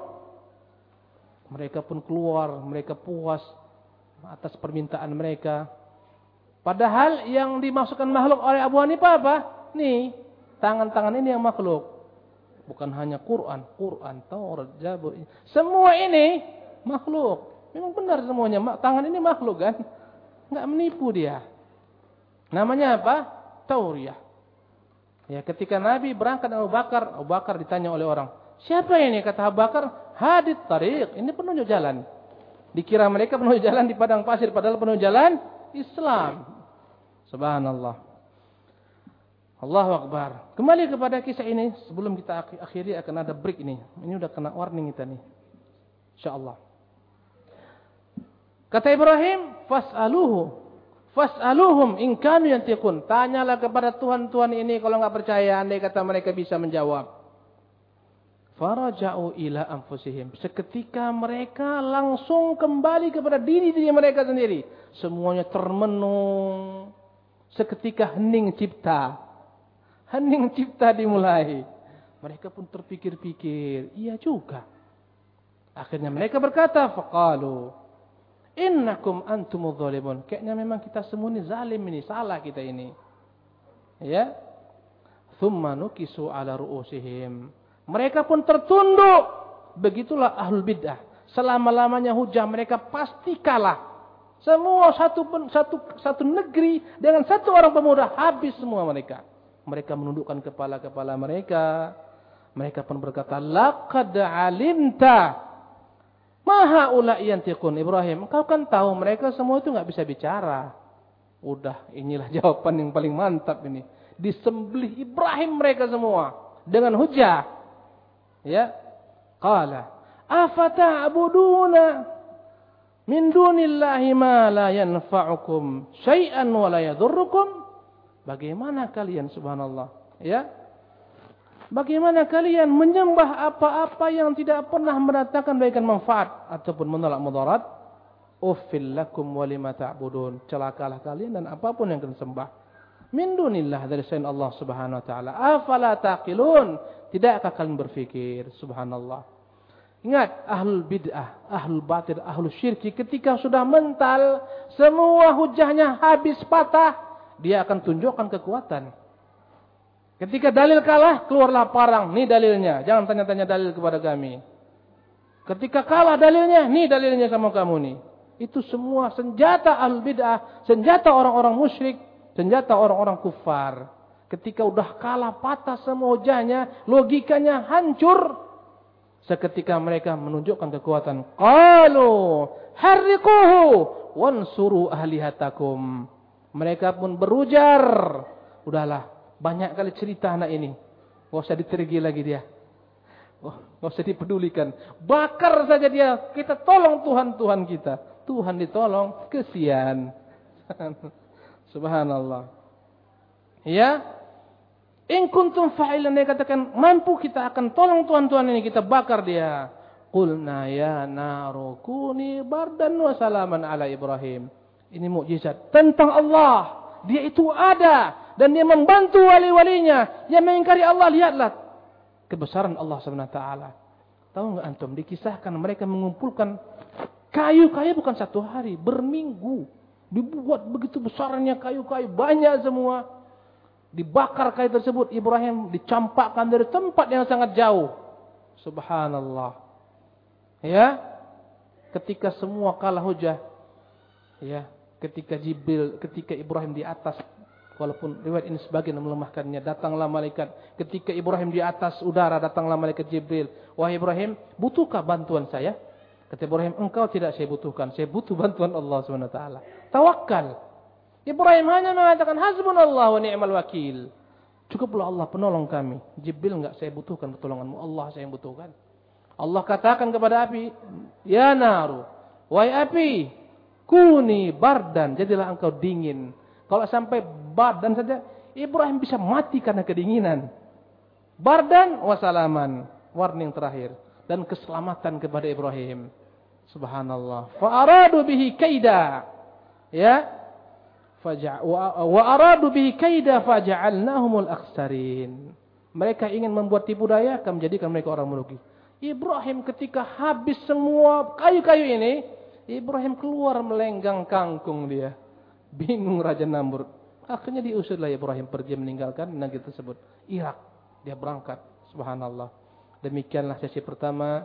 Ikhwan sekalian, masih ada yang warna hijau. Jangan takut, nanti masih ada soal. Masih ada insyaAllah tabaraka ta'ala. Kita break dulu, insyaAllah nanti kita akan kembali. Ya, silahkan antum yang ngantuk-ngantuk. Silahkan banyak itu kayaknya makanan di mana-mana bisa antum beli. Minuman silahkan. Wallahu ta'ala alam wa sallallahu alaihi Muhammadin. Assalamualaikum warahmatullahi wabarakatuh. Tuan dan akhwat yang Allah muliakan. Sesi kedua ini kita akan melengkapi pembahasan kita tentang perkara akidah, tauhid. Bahwasanya kita bukan hanya dituntut mengimani tauhidur rububiyah. Tapi kita lebih daripada itu dituntut untuk mewujudkan tauhidu al-uluhiyah. Mungkin sebagian masih asing mendengar istilah-istilah ini. Jemaah yang dimuliakan oleh Allah SWT. Keyakinan kita bahwasanya Allah sebagai pencipta alam semesta. Allah lah pemeliharanya. Allah yang menghidupkan, Allah yang matikan. Dialah yang mengatur alam, memberikan rezeki, menurunkan hujan. Ini namanya adalah tauhidur rububiyah. Terambil dari kata-kata Rabbun. Rabbun secara bahasa mana adalah tuan, pemilik. Ya, pemelihara dan pengatur. Maka makna Rabbul Alamin, dialah Tuhan pemilik alam semesta. Pengaturnya, pemeliharanya. Maka kita wajib meyakini hanya Allah semata Tuhan pemilik alam semesta penciptanya, pemeliharanya. Inilah namanya tauhidur rububiyah. Apakah cukup kita meyakini sampai di sini? Tidak cukup. Kalaulah hanya mengandalkan tauhidur rububiyah, kita selamat. Kita akan menjadi seorang mukmin. Maka tentulah akan dihukumi beriman iblis. Karena iblis pun mengimani tauhidur rububiyah. Iblis pun mengakui Allah pencipta alam semesta. Iblis. Allah subhanahu wa ta'ala menyebutkan dalam Al-Quran Al-Karim. Di antara sumpah iblis. Berkata iblis. Qala. Fabi'izzatika la'ughuyannahum ajma'in. Demi kemuliaan wahai Tuhan akan kusesatkan mereka semua illa ibadaka minhumul mukhlasin kecuali hamba-hambamu yang engkau selamatkan. Ini dalam surat Sad ayat yang ke-83 di mana iblis mengakui ketuhanan Allah SWT sebagai Tuhan. Ya. Yang telah menciptakan alam semesta. Bahkan iblis mengatakan tatkala Allah perintahkan sujud kepada Adam, "Khalaqtani min nar wa khalaqtahu min tin." Duhai Tuhan, aku ini kau ciptakan dari api dan dia kau ciptakan dari tanah. Bagaimana mungkin api sujud kepada tanah? Enggak. Ana khairan minhu. Aku lebih baik daripada tanah. Seseorang yang kau ciptakan dari tanah itu lebih rendah daripada aku yang kau ciptakan daripada api. Iblis ini dahulu, iblis sejarahnya, dia adalah daripada jin. Kana minal jinni. Dia dari bangsa jin. Fafasaqan ammi rabbih, dia menentang perintah Tuhannya. Iblis ini dahulu kala adalah makhluk yang paling taat di antara golongan bangsa jin. Ketika jin diperangi di bumi ini sebelum Adam ada, karena mereka membuat kerusakan sebagaimana ahlu tafsir menyebutkan dalam kitab tafsir. Iblis diangkat ke langit. Kenapa? Karena ketaatannya, kesolehannya. Bahkan iblis didudukkan dalam majlis para malaikat-malaikat Allah Subhanahu wa taala. Dan itu ber bertahun-tahun, enggak tahu kita berapa lamanya. Subhanallah. Hanya Allah yang tahu. Kemudian Allah SWT menciptakan Adam dari tanah. Allah perintahkan semua makhluk-makhluk yang ada di langit dari golongan malaikat dan di sana ada iblis sujud kepada Adam untuk memuliakan Adam sebagai penghormatan kepada Adam dan mematuhi perintah Allah. Karena sebelum kita dibolehkan syariat sebelum kita sebagian manusia sujud kepada manusia lainnya. Karena itulah kita dapat dalam surat Yusuf saudara-saudara Yusuf sujud kepada Yusuf. Karena itulah ketika salah seorang sahabat berangkat ke Syam dan dia pulang, kalau saya nggak silap Mu'ad bin Jabal juga. Dia mau sujud kepada Nabi SAW. Kata Nabi, kenapa? Apa yang kau lakukan ini? Maka berkatalah Mu'ad, ya Rasulullah, kulihat orang-orang Nasara. Umat mereka sujud kepada pendeta-pendeta mereka. Engkau lebih layak saya sujud kepadamu. Engkau adalah utusan Allah. Berkata Rasulullah. Lau kuntu amiran ahadan an li ahadin. Kalau saja boleh saya menyuruh seorang sujud kepada orang lain, akan kuperintahkan seorang istri sujud kepada suaminya. La amartul mar'ata an tasjuda li zawjiha. Saya perintahkan seorang perempuan sujud kepada suaminya kalau boleh sujud, tapi dilarang. Jadi kembali kepada iblis. Iblis itu mengetahui dia diciptakan oleh siapa? Allah. Maka kalau kita menganggap cukup Ustaz, Selama kita mengimani Allah sebagai pencipta, selamatlah tauhid kita. Allah itu yang datang ke kuburan-kuburan yang dikultuskan. Yang dikeramatkan, yang meminta, yang memuja. Kuburan-kuburan yang sujud kepadanya dan seterusnya. Saya tanya kepada antum, mungkinkah mereka memiliki pemikiran yang mereka minta ini yang menciptakan alam semesta? Enggak. Bahkan tanyakan kepada orang-orang musyrik yang menyembah berhala-berhala mereka. Apakah berhala ini menciptakan alam semesta? Mereka mengatakan tidak. Bukan ini yang mencipta. Subhanallah. Siapa yang mencipta? Allah. Bahkan orang-orang Arab kaum musyrikin pun mengakui tauhidur rububiyah. Mereka semua mengakui Allah sebagai pencipta alam semesta dan tidak guna pengakuan ini tanpa tauhidul ibadah. Allah berfirman ya dalam surat Al-Isra ayat 102 tentang Fir'aun. Fir'aun itu makhluk yang paling terkutuk seluruh jagat raya ini. Bahkan makhluk yang lebih dahsyat daripada iblis. Bayangkan, kok gitu Ustaz? Iya. Iblis gak berani ngaku Tuhan. Fir'aun dengan nekatnya mengatakan, Ma'alimtu lakum min ilahin ghairi. Saya nggak tahu ada Tuhan selain saya. Subhanallah. Mungkin iblis pun melihat Fir'aun, ini udah kalah aku dibuatnya ini udah. Dahsyat ini. Dia mengatakan, Ana rabbukumul a'la. Akulah Tuhan kalian yang paling tinggi. Subhanallah. Ini Fir'aun nih, mengaku dirinya Tuhan. Sampai-sampai dia berkata kepada Haman, menterinya. Ya Haman ubnili sarhan. Haman, buatkan untukku tower yang setinggi-tingginya. Kenapa? La'alli attali'u ila ilahi Musa. Wa inni la'adhunnuhu ka'dhibah. Saya mau lihat mana Tuhan Musa yang di atas itu. Saya yakin Musa itu pendusta. Saya lah Tuhan yang paling tinggi. Subhanallah. Jadi yang mengingkari Allah di atas, siapa pertama kalinya? Fir'aun. Nyambung antum ini? Nyambung gak ini? Nyambung gak? Siapakah makhluk yang pertama kali mengingkari Allah di atas? Tuh Fir'aun. Katanya kepada Haman, wahai Haman, Buatkan untukku tower tinggi. Kalahkan tower semua ya, provider yang ada di sini. Setinggi-tingginya. Kalahkan mereka. Kenapa? La'alli attali'u ila ilahi Musa. Aku mau lihat mana Tuhan Musa. Mana di Tuhannya yang di langit sana. Subhanallah. Fir'aun ini. Walaupun aku Tuhan. Allah kirimkan kepada Fir'aun berbagai macam ujian dan bala bencana. Subhanallah.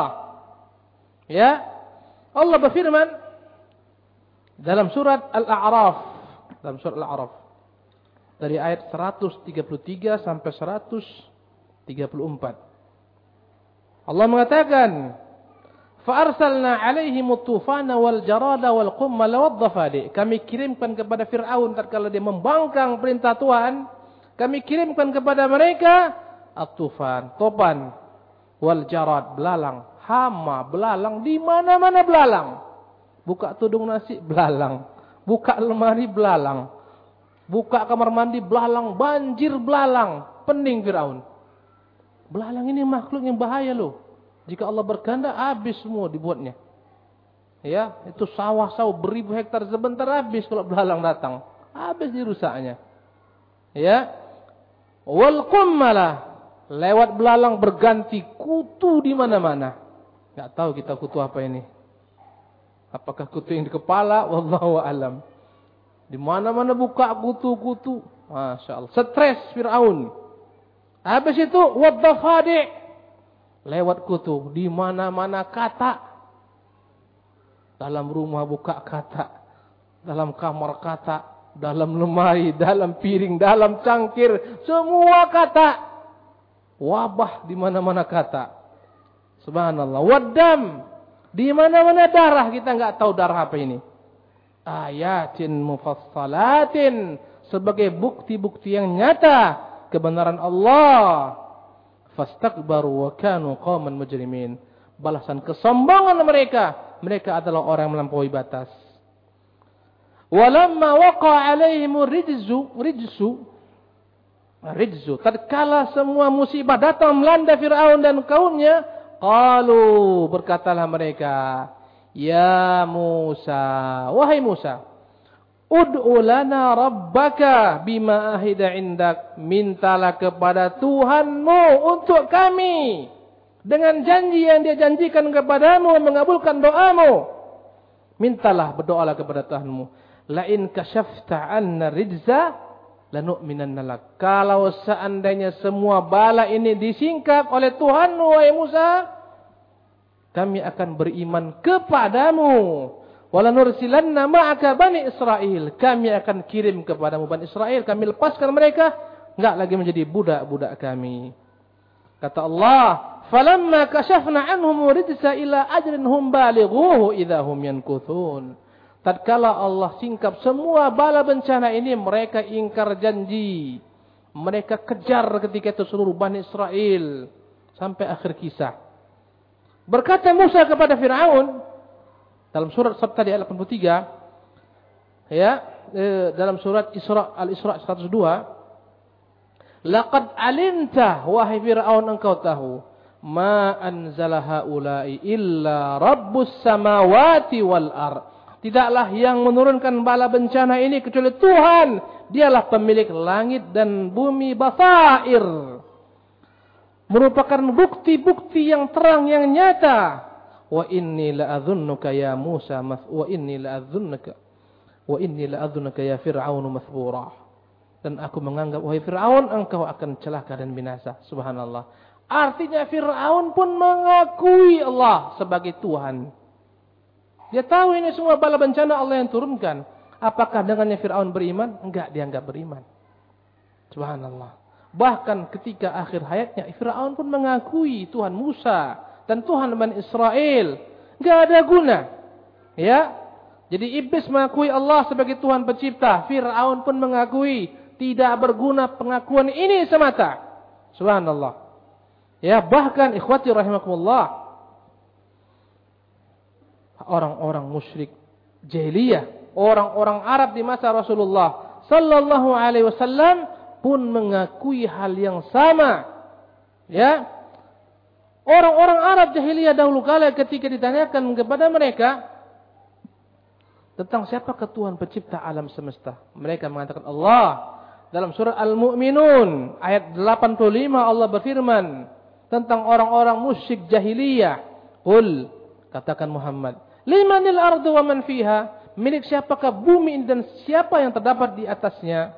In kuntum ta'lamun, seandainya kalian mengetahui saya kuluna Allah. Maka mereka menjawab Allah. Qul afala tadhakkarun. Kalau kan mengakui Allah sebagai pencipta langit dan bumi ini, Mengapa kalian tidak ingat kepadanya, menyembahnya? Lihat lagi dalam surat Al-Ankabut. Ayat 60 Allah mengatakan tentang orang-orang musyrikin yang diutus Rasulullah kepada mereka. Wala in sa'altahum jika engkau bertanya kepada mereka wahai Muhammad, man khalaqas samawati wal arda? Siapakah pencipta langit dan bumi? Wasakhkhara syamsa wal qamar yang telah menaklukkan matahari dan bulan yang datang berganti-ganti la yaqulunna Allah. Mereka akan mengatakan Allah. Fa anna yufakun? Bagaimana mereka dipalingkan daripada kebenaran? Artinya banyak orang-orang mengakui ini. Bahkan semua manusia pada akhirnya mengakui Allah sebagai Tuhan pencipta alam semesta. Tapi ini enggak cukup sampai mereka memurnikan tauhid yang kedua. Namanya tauhidul ibadah atau tauhidul uluhiyah memurnikan segala macam bentuk ibadah diserahkan, dipersembahkan hanya untuk Allah Subhanahu wa taala. Dan semua nabi dikirim Allah untuk memurnikan tauhid yang nomor dua ini namanya tauhidul ibadah agar manusia mempersembahkan semua ibadahnya hanya kepada Allah. Subhanallah. Firaun beriman dengan rububiyah enggak guna. Iblis enggak guna. Orang-orang musyrik enggak guna. Mereka diperangi oleh Rasulullah. Tidak akan mungkin semua ini berguna tanpa mengimani tauhid yang saya sebut tadi. Tauhid apa namanya? Tauhid al-ibadah atau al-uluhiyah. Hanya Allah yang berhak diibadati. Di mana letak kesalahan orang-orang musyrik? Apakah mereka tidak menyembah Allah? Wallahi, orang-orang musyrik pada masa Rasulullah SAW diutus, mereka juga menyembah Allah. Mereka juga berdoa kepada Allah. Mereka meminta kepada Allah. Mereka juga berkorban kepada Allah. Tapi Selain mereka berkorban untuk Allah, mereka berkorban untuk sembelihan-sembelihan mereka ini dibagikan kepada ya, diperuntukkan untuk berhala-berhala mereka. Mereka menyembelih untuk Allah, mereka menyembelih untuk berhala-berhala mereka. Mereka mengatakan, "Hadza lillahi bizamihim wa hadza li syurakaina." Ini yang kami sembelih, ini untuk Allah. Ini yang kami sembelih untuk sekutu-sekutu Tuhan. Sebagaimana orang sekarang, kurban yang nyembelih untuk Allah. Ya, ketika raya kurban. Nanti datang mau bangun rumah, kurbankan juga. Untuk siapa? Untuk jin. Datang malam bala bencana, lumpur enggak kering-kering, sembelih juga kerbu, campakkan kerbu ke sana. Mereka mengatakan hadza lillah, sembelih ini untuk Allah. Wa hadza lisyurakaina, ini untuk Tuhan-Tuhan kami. Kesalahan orang-orang musyrik diperangi Rasulullah karena mereka menyekutukan Allah dalam hal ibadah. Subhanallah. Artinya orang-orang yang melakukan kesyirikan. Semua mereka meyakini bukan makhluk yang mereka sekutukan untuk menyembah. Yang menciptakan alam semesta. Hanya Allah. Tapi mereka mencekutukan Allah subhanahu wa ta'ala dengan makhluk-makhluk ini. Subhanallah. Jemaah yang dimuliakan oleh Allah subhanahu wa ta'ala. Ya.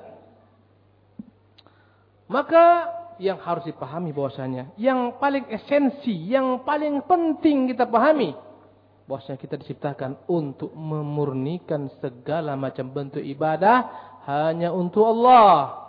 Allah mengatakan wa ma khalaqtul jinna wal insa illa liya'budun. Tidaklah aku ciptakan jin dan manusia kecuali untuk beribadah menyembahku. Kata para ulama, makna liya'budun liwahidun agar mereka mengesahkan aku dalam ibadah. Maka tidak ada guna segala macam bentuk ibadah jika dicampur adukan dengan kesyirikan. Haji dia pergi haji. Nanti datang juga dia ke dukun. Ini sia-sia. Haji, haji juga. Tapi cincinnya ada isinya, ada jinnya. Ini sia-sia. Subhanallah.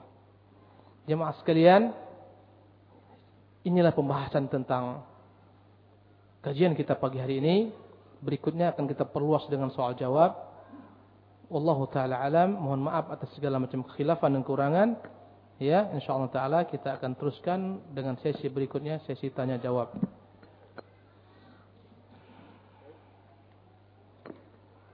Baik, terima kasih banyak pada Ustaz Abu Ferus atas pembahasan daurah pada hari kedua dengan tema bergantung dengan sarang laba-laba. Dan untuk sekitar 30 menit ke depan kita ada akan tanya jawab, eh, tanya jawab materi dan ada sekitar 10 menit juga ada tanya jawab berhadiah. Di sini panitia menyediakan sekitar 6 buku dan juga satu jam tangan. Untuk teknis tanya jawab berhadiah ini akan kami serahkan kepada Ustaz. Allahu Akbar. Assalamualaikum Ustaz. Waalaikumsalam. Saya masih menyimpan benda-benda seperti keris, batu-batu akik. Apakah ada mudaratnya? Sementara saya insya Allah tidak bergantung pada benda-benda tersebut. Gimana pula bergantung dengan keris? Bergantung dengan tali. Tapi hanya memakai untuk perhiasan saja. Keris, bolehkah kita membeli keris? Boleh, siapa yang larang? Untuk jaga-jaga. Untuk safety keamanan di rumah. Untuk nilai seni. Enggak ada masalah beli keris, beli pedang. Kalau orang Daya apa namanya? Mandau. Kalau orang Sunda apa namanya? Orang Sunda apa sih? Yang gini-gini tuh. Kujang. Kujang atau kujang? Silahkan, nggak ada masalah. Demikian juga antum nyimpan-nyimpan batu akik, nggak ada masalah. Ganti-ganti, tapi dipakailah. Kalau untuk disimpannya sayang, kasih ke panitia. Hanya untuk disimpan aja, dipakai. Ya, selama memang tujuannya bukan batu akik untuk perhiasan. Namanya senjata tajam untuk untuk jaga-jaga diri, ya, untuk hiasan, nggak ada masalah. Yang masalah ketika dia diklaim atau dianggap memiliki manfaat dan menolak mudarat. Ya, ketika diklaim di dalamnya itu ada jin dan seterusnya. Nah, yang benar, sebagian keris itu bisa berdiri sendiri loh. Berdiri, kadang-kadang dia terbang. Tapi itu semua permainan jin. Kalau jumpa mana santri udah takluk itu keris itu langsung takluk. Antum baca bismillah udah tergeletak ada nggak apa-apa lagi. Nah, ini dilarang. Syirik hukumnya, hukumnya. Jadi tergantung niatnya. Jika membeli kris untuk niat klinik, dimandikan setiap malam Jumat Kliwon, pakai minyak za'faran, untuk apa namanya? Untuk melakukan pelet, ini tentunya syirik. Demikian juga batu akik. Hanya untuk hiasan atau digunakan untuk penghias tangan dan seterusnya nggak ada masalah. Ini dari pendengar radio Gemah Madinah. Bertanya tentang wali-wali Allah. Apakah pada hari kiamat kelak bisa memberikan syafaat? Insya Allah Ta'ala di hari kiamat. Yang memberikan syafaat. Pertama, Rasulullah SAW. Dan syafaat Nabi itu banyak jenisnya. Ada syafaat yang pertama kali agar dimulai persidangan di hari kiamat. Karena kita menunggu di padang mahsyar seribu tahun. Ngeri. Satu hari sama dengan seribu tahun lagi. Seribu kali seribu berapa? Satu juta. Satu juta tahun kita menunggu dimulai persidangan di padang mahsyar. Subhanallah. Maka Nabi dengan syafaat beliau dimulai persidangan. Syafaat beliau ada orang-orang yang seharusnya dimasukkan ke neraka dengan syafaat Nabi enggak jadi dimasukkan ke neraka, dimasukkan ke dalam surga. Dengan syafaat Nabi ada orang-orang yang telah dimasukkan ke dalam neraka dikeluarkan daripadanya. Syafaat Nabi daripada terhadap orang-orang yang di neraka siksanya dahsyat menjadi ringan siksanya. Itu hanya kepada satu orang saja, kepada Abu Talib. Syafaat Nabi kepada orang-orang yang telah menduduki tempat tertentu di surga naik kepada tingkat lainnya. Nabi memberikan syafaat. Anak-anak yang meninggal kecil yang dimiliki oleh orang tuanya satu, dua, tiga memberi syafaat kepada orang tuanya. Orang-orang yang mati syahid memberi syafaat kepada 70 orang keluarganya. Dan setiap sahabat memberikan syafaat kepada sahabatnya. Subhanallah. Maka kita hendaklah bersahabat dengan orang-orang saleh selalu. Semoga dengan sahabat bersahabat sama mereka ketika lakat darah seandainya kita dimasukkan ke dalam neraka. Sahabat kita lihat mana kawanku siful? Enggak ada. Di dalam neraka dia katakan ya Allah itu kawanku. Tolong ya Allah. Allah akan berikan syafaat. Penting kita berkawan dengan orang saleh. Enggak tahu kita kadang-kadang dengan kejelekan kita kemaksiatan kita dibenamkan dalam neraka dengan mereka yang saleh ini, ya Allah itu kawan saya. Lewat, pindahkan ke dalam surga. Subhanallah. Ya. Dan setiap orang-orang beriman bisa memberikan syafaat kepada orang-orang beriman lainnya. Bahkan sebagian amalan seperti surat Al-Baqarah yang dibaca, diamalkan isinya. Al-Imran memberi syafaat kepada yang membacanya dan mengamalkannya. Ya, jadi wali-wali termasuk ke dalam golongan orang-orang beriman. Insya Allah mereka akan memberikan syafaat. Tapi siapakah wali-wali Allah Subhanahu wa taala? Itu yang harus dijelaskan. Apakah bisa terbang di udara? Saya pun bisa terbang. Kemarin saya terbang di udara. Sampai kemari. Apakah yang bisa jalan di atas air? Saya pun bisa. Dengan perahu. Dengan speedboat. Subhanallah. Apakah mereka yang terbang di udara, jalan di atas air itu wali Allah SWT? Belum tentu. Jangan-jangan dia wali syaitan. Berkata Imam Syafi'i rahimahullah, rahimahullah, andai kata engkau melihat orang yang jalan di atas air, terbang di udara, jangan kau katakan cepat-cepat dia wali Allah sampai kau lihat. Kau hadapkan amalannya dengan kitabullah dan sunnah Rasulullah. Jika bersesuaian itu wali Allah. Jika tidak dia wali syaitan. Siapa wali Allah? Semua orang-orang beriman dan bertakwa dialah wali Allah SWT. Baik dia punya keramat ataupun tidak punya karamah. Dia wali Allah.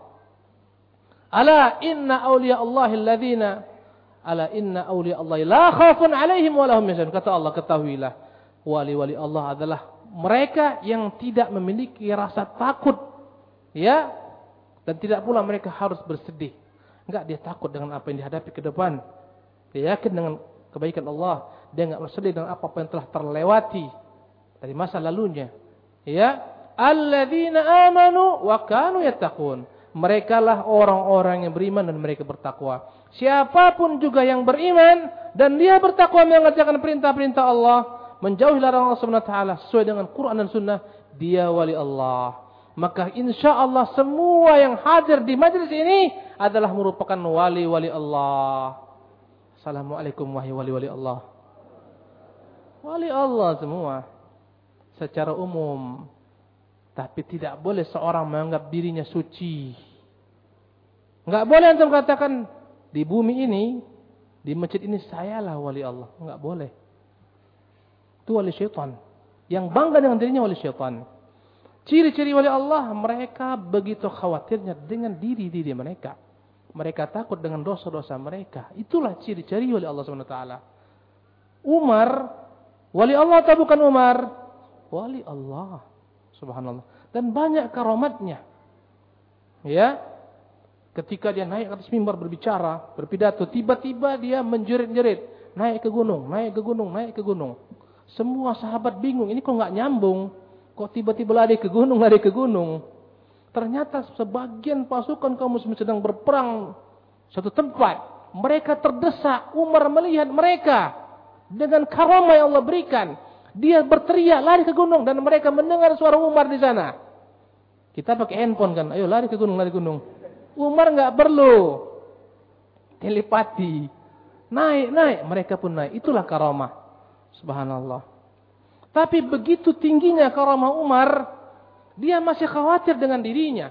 Di akhir hayatnya dia katakan kepada putranya Abdullah, "Wahai Abdullah, kau turunkan ayahmu ini, letakkan ke tanah. Celakalah dia andai kata Allah enggak mengampuni dirinya, maksudnya Umar sendiri. Celakalah Umar andai kata Tuhannya enggak mengampuninya. Letakkan saya ke tanah, letakkan pipi saya ini, tempelkan ke tanah." Subhanallah. Dia khawatir dengan dirinya. Itu wali Allah. Sampai-sampai datang dia berbisik kepada Hudzaifah. Hudzaifah, Tolong kau jawab. Apakah nama Umar ada dalam rombongan orang-orang munafik yang Rasulullah bisikan ke telingamu? Dia khawatir dihinggapi kemunafikan. Padahal dia Amir Mukminin. Berkata Hudzaifah, wahai Amir Mukminin, saya tidak akan beritahu setelahmu.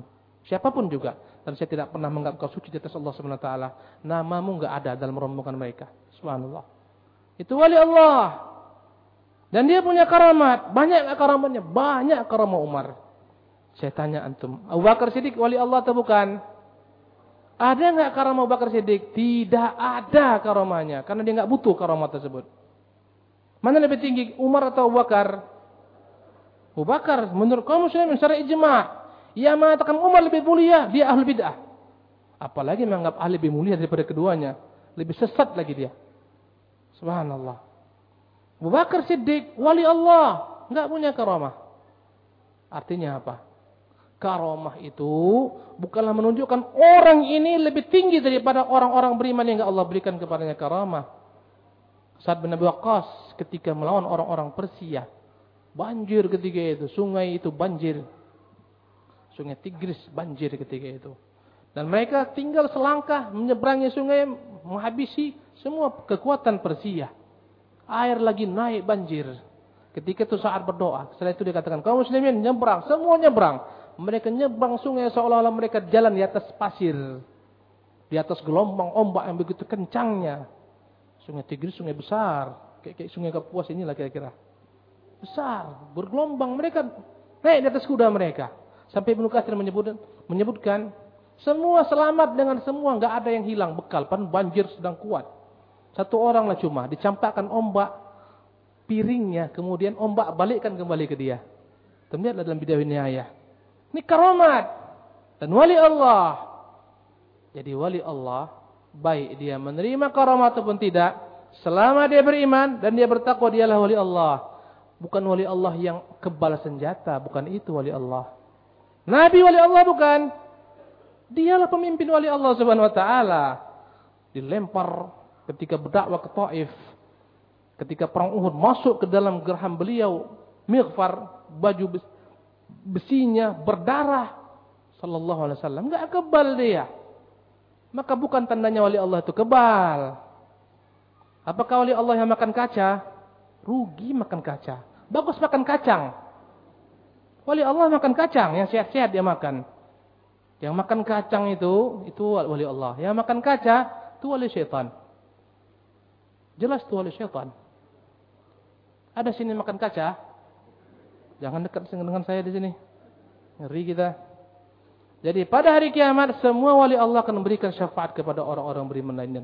Dan setiap orang-orang beriman wali Allah Subhanahu wa taala selama dia bertakwa kepada Allah Subhanahu wa taala. Ustaz, bagaimana sikap kita sebagai anak terhadap orang tua yang percaya hal-hal seperti jimat, yang menganggap jimat tersebut baik karena bertuliskan huruf Arab pada jimat-jimat tersebut. Bukan setiap yang bertuliskan Arab itu baik. Lata ditulis bahasa Arab buruk juga dia. Uzza. Kadang-kadang orang Islam kalau dengar Arab, oh adalah seolah-olah Quran dan Sunnah. Lagu-lagu Arab, oh ini bagus ini. Padahal lagu-lagu cinta syahwat juga.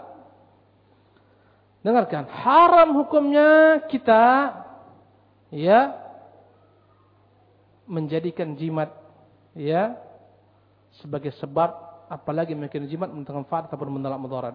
Baik jimat itu dalamnya ada tulisan-tulisan Al-Qur'an dicampurkan dengan tulisan-tulisan Arab, enggak boleh. Ya, kadang-kadang bukan Quran dia, kadang-kadang Quran dibalik. Ya, surah Al-Ikhlas semua hurufnya dibuat terbalik. Karena kata kul dibalikkan lam qab. Huwallah semua dibalik. Habis makna semua. Subhanallah. Ini pelecehan terhadap Quranul Karim. Ini jimat. Kadang-kadang ada huruf kan. Ada satu potong ayat. Lam, lam, lam, lam. Mim, mim, mim, ra. Satu, dua, tiga, tiga, tiga. Tak apa-apa. Sebagian nama-nama jin padanya. Jadi bukan setiap yang Arab itu daripada Islam. Abu Jahal juga Arab. Abu Lahab juga Arab. Bukan daripada kaum muslimin. Pernah suatu ketika Rasulullah SAW melihat seorang sahabat. Dia pakai gelang dari kuningan, min sufrin. Nabi bertanya, apa ini? Ya Rasulullah ini jimat saya. Melindungi saya. Kata Nabi, kau lepas sekarang. Andai kata itu jimat ada padamu dan kau mati, tidak pernah keberuntung selama-lamanya. Dilepasnya. Barak bin Azib. Ya, melihat ada seorang pakai jimat. Kemudian dia potong jimat tersebut dia katakan, "Wa yu'minu aktsarum billahi illa musyrikun." Berapa banyak orang yang dia mengaku beriman kepada Allah padahal dia campur adukkan dengan kesyirikan. Enggak boleh pakai-pakai jimat. Haram. Syirik.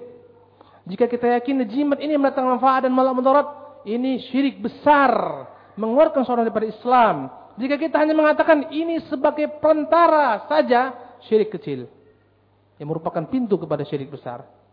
Dan syirik kecil itu bukan dosa yang kecil loh. Walaupun dia ada kecilnya, tapi dia lebih dahsyat dibandingkan dosa-dosa besar lainnya.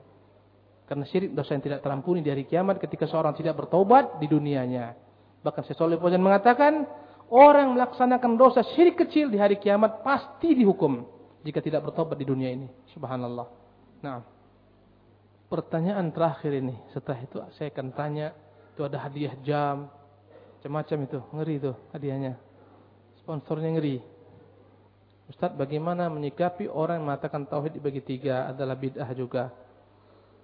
Padahal sudah jelas dan jelaskan bahwa itu hanyalah kemudahan. Naam. Tauhid dibagi para ulama kepada tiga, ya, tiga jenis. Ada namanya uluhiyah, rububiyah, asma wa sifat. Ada yang mengatakan ini kurang kerjaan, bahkan ada yang menganggap ini seperti orang Nasrani, Trinitas, wallahi tidak. Dan perkataan tentang rububiyah, uluhiyah, ini telah ada pada masa-masa di awal-awal Islam. Disebutkan oleh para ulama-ulama Islam. Karena semua tauhid itu akan merujuk kepada tiga ini. Pertama, kita meyakini hanya Allah sebagai pencipta alam semesta, pemeliharanya, pengaturnya, dialah pemberi rezeki, dia menghidupkan, dia yang mematikan. Ini namanya tauhidur rububiyah. Yang kedua, keyakinan kita segala macam bentuk ibadah hanya diberikan untuk Allah semata. Ini namanya tauhid uluhiyah. Yang ketiga, ya, bahwasanya kita meyakini Allah memiliki nama-nama yang mulia, sifat-sifat yang maha tinggi yang kita wajib membenarkannya mengimaninya tanpa menolaknya atau mentakwilkannya kepada sifat-sifat yang batil yang lain. Ya? Atau menanyakan bagaimana sifat tersebut atau menyamakan sifat tersebut dengan sifat makhluk. Namanya tauhidul asma wa sifat. Dan sebagian ulama membagi tauhid kepada dua bagian dan semuanya benar enggak ada salahnya. Tauhidun fil fi fi fil ma'rifati wal itsbat tauhid dalam yakni mengenal Allah Subhanahu wa taala dan menetapkan bagi Allah apa yang ditetapkan dalamnya terkandung dua tauhid rububiyah dan asma wa sifat. Kemudian yang kedua, tauhidun fit talab. Tauhid yang menuntut seorang akan memberikan semua ibadahnya untuk Allah. Namanya tauhid uluhiyah. Maka ada yang bagi dua, benar. Ada yang bagi tiga, dengan pembagian tadi, benar. Dan ada yang bagi tiga, tapi dihilangkannya tauhidul asma wa sifat. Digantinya tauhidul hakimiyah. Ini salah. Kenapa? Karena tauhidul hakimiyah telah masuk melebur dalam tauhidul rububiyah. Subhanallah. Jadi ikhwati rahimakumullah. Tidak akan mungkin antum dapat tambah lebih daripada tiga tauhid. Enggak mungkin. Akan semua masuk ke dalam tauhid ini. Ya, kita ini.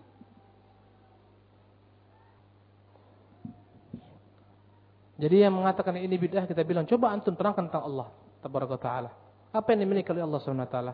Dia tidak akan bisa tidak akan pernah dia dapat memperkenalkan Allah kecuali dengan tiga cara, dengan tiga tauhid. Enggak akan mungkin.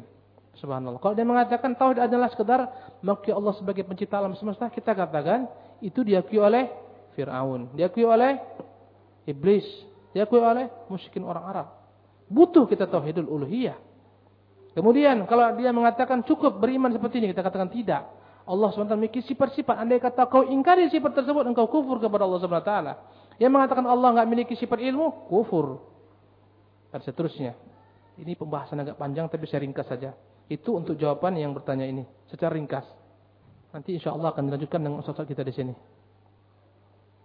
Demikianlah ikhwati rahimakumullah rangkaian kajian-kajian kita. Ada sisa waktu ya untuk berpertanyaan. Ini banyak hadiah-hadiah nih, subhanallah. Yang pertama kali jam nih. Masya Allah, ini jam bukan sembarang jam ini. Ya, pertanyaannya untuk akhwat. Ini boleh juga jam ini untuk akhwat untuk anaknya, untuk suaminya. Baik. Siapa? Ini gimana soal? Mereka langsung jawab. Dengan tulisan, ya, sebutkan lima nama orang-orang salih yang disembah oleh kaum Nabi Nuh. Tuh, Silahkan. Kami payah terus Ustaz ini. Anak tiri kami.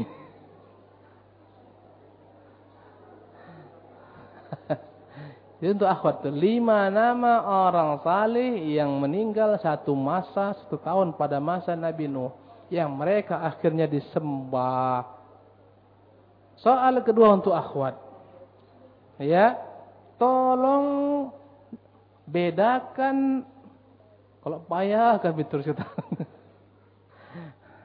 Tolong bedakan antara ya tauhidu al-uluhiyah dan tauhidur rububiyah. Payah juga. Bedakan antara rububiyah dan uluhiyah. Soal yang ketiga untuk akhwat. Ya, sebutkan siapa nama anak Amr bin Al-Jamuh yang ikut bayat Aqabah dan dialah yang berhasil Akhirnya dengan bantuan sahabatnya yang satu lain memberikan hidayah kepada orang tuanya. Siapa nama anaknya? Itu yang ketiga. Ini soalnya gimana? Cukup tiga soal. Ya, yang jawabannya benar dapat hadiah. Sekarang untuk yang ikhwan. Subhanallah. Langsung ikhwan ya. Tadi saya katakan wali Allah bukanlah yang harus terbang di udara. Karena burung juga terbang. bukanlah yang harus berjalan di atas air. Ya. Karena ikan juga berjalan di air dan ada yang loncat-loncat di atas air. Pertanyaan saya, apa definisi wali Allah? Siapakah dia wali Allah? Silakan. Tafadhal antum. Wali Allah adalah tunggu mikrofon ini. Sebentar. Kata akhwat, ikhwan mudah-mudah kali. Kami payah-payah.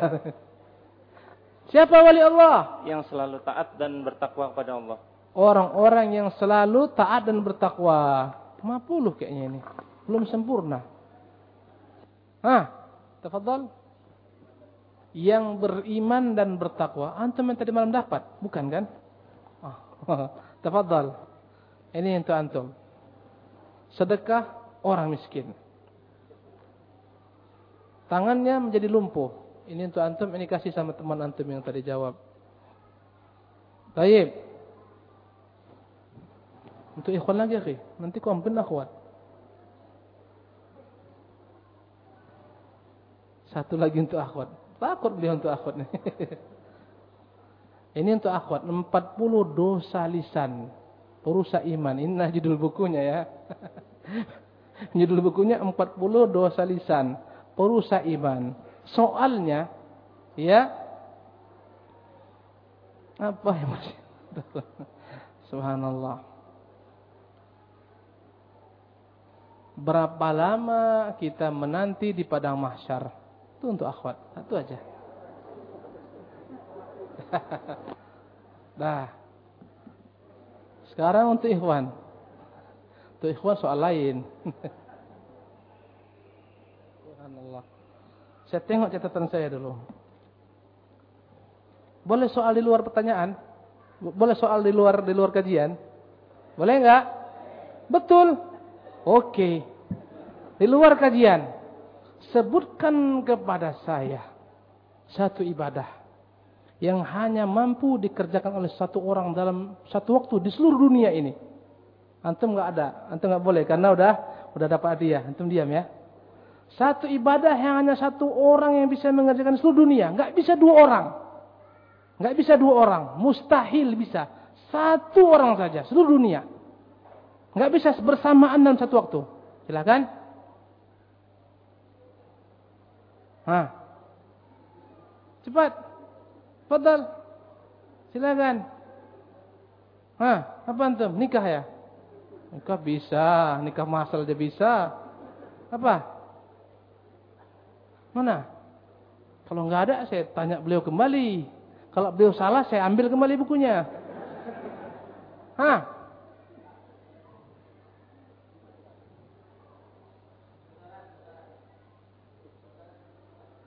Antum mau jawab? Hah? Kita bocoran dulu nih. Nggak boleh dibocorkan. Silakan. Apa nama ibadah tersebut? Tafadhal. Imam di Masjidil Haram ketika menjadi imam Ya namanya imam. Satu waktu itu di Mekah banyak imam-imam. Satu ibadah yang hanya bisa dilakukan dalam satu waktu oleh satu orang. Adapun menjadi imam, ya Masjidil Haram imam di Masjidil Haram satu. Nanti di Masjid Kuba, di masjid mana-mana satu waktu. Banyak. Ini hanya satu orang aja yang bisa melakukannya. Satu ibadah. Namanya imam bisa banyak. Di dunia ini banyak imam satu waktu. Ah. Mencium batu akik. Ntar, ntar lo. Udah saya kasih bocoran dari itu. Kalau antum nggak bisa jawab ini, aduh musibah ini. Saya minta batu akik. Hah? Betul, mencium batu hajarul.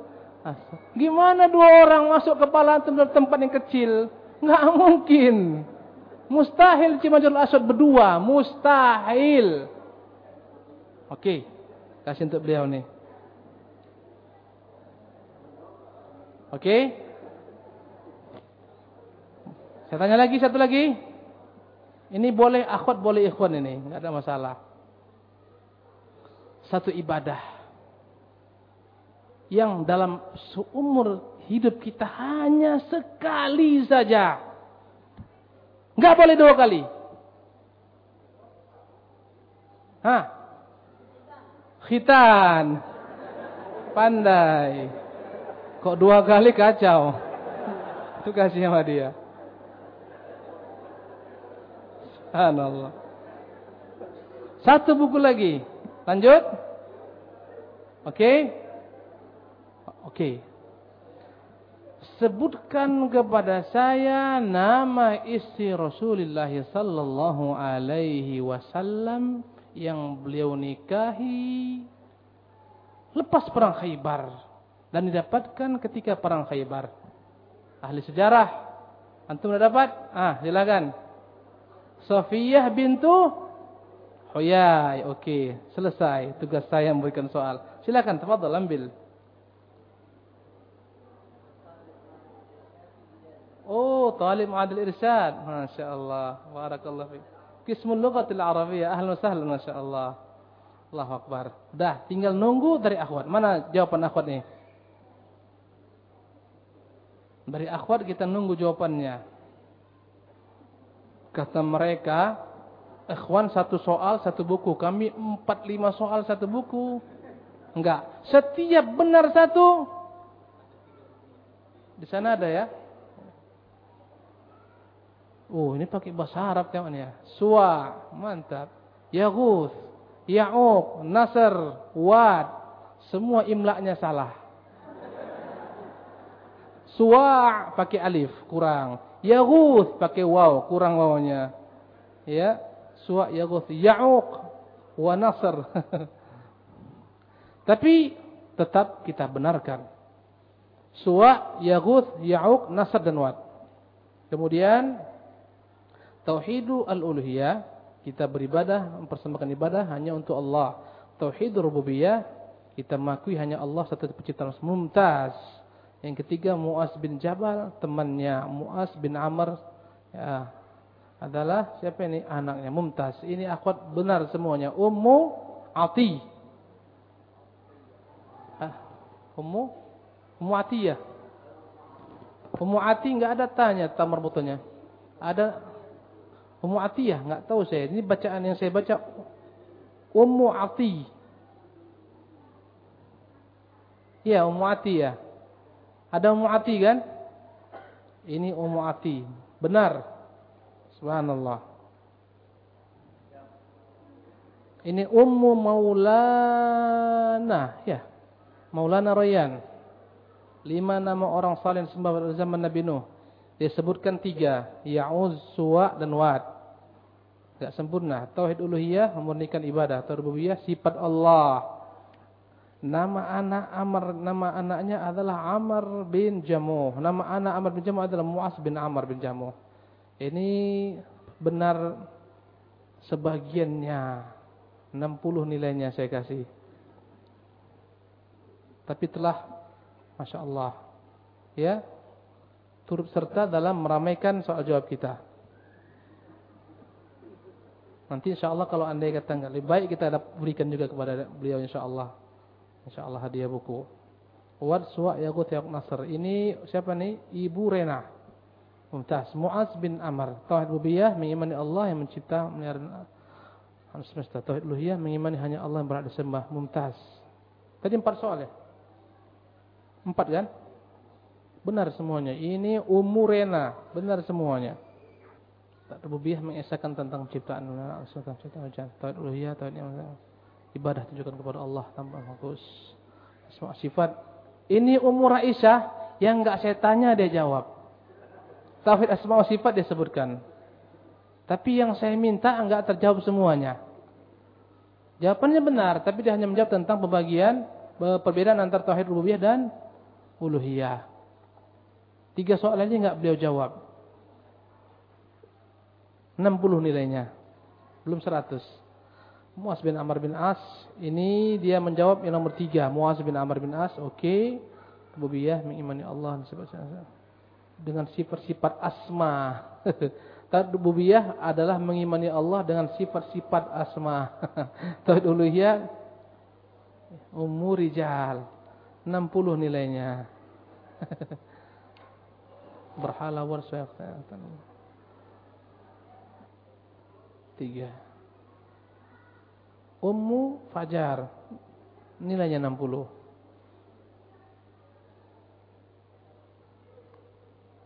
Ya. Suayakna.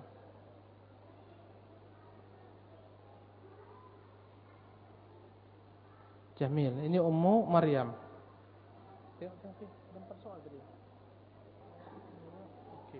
Ummu Maryam benar semuanya. 100 Ummu Maryam.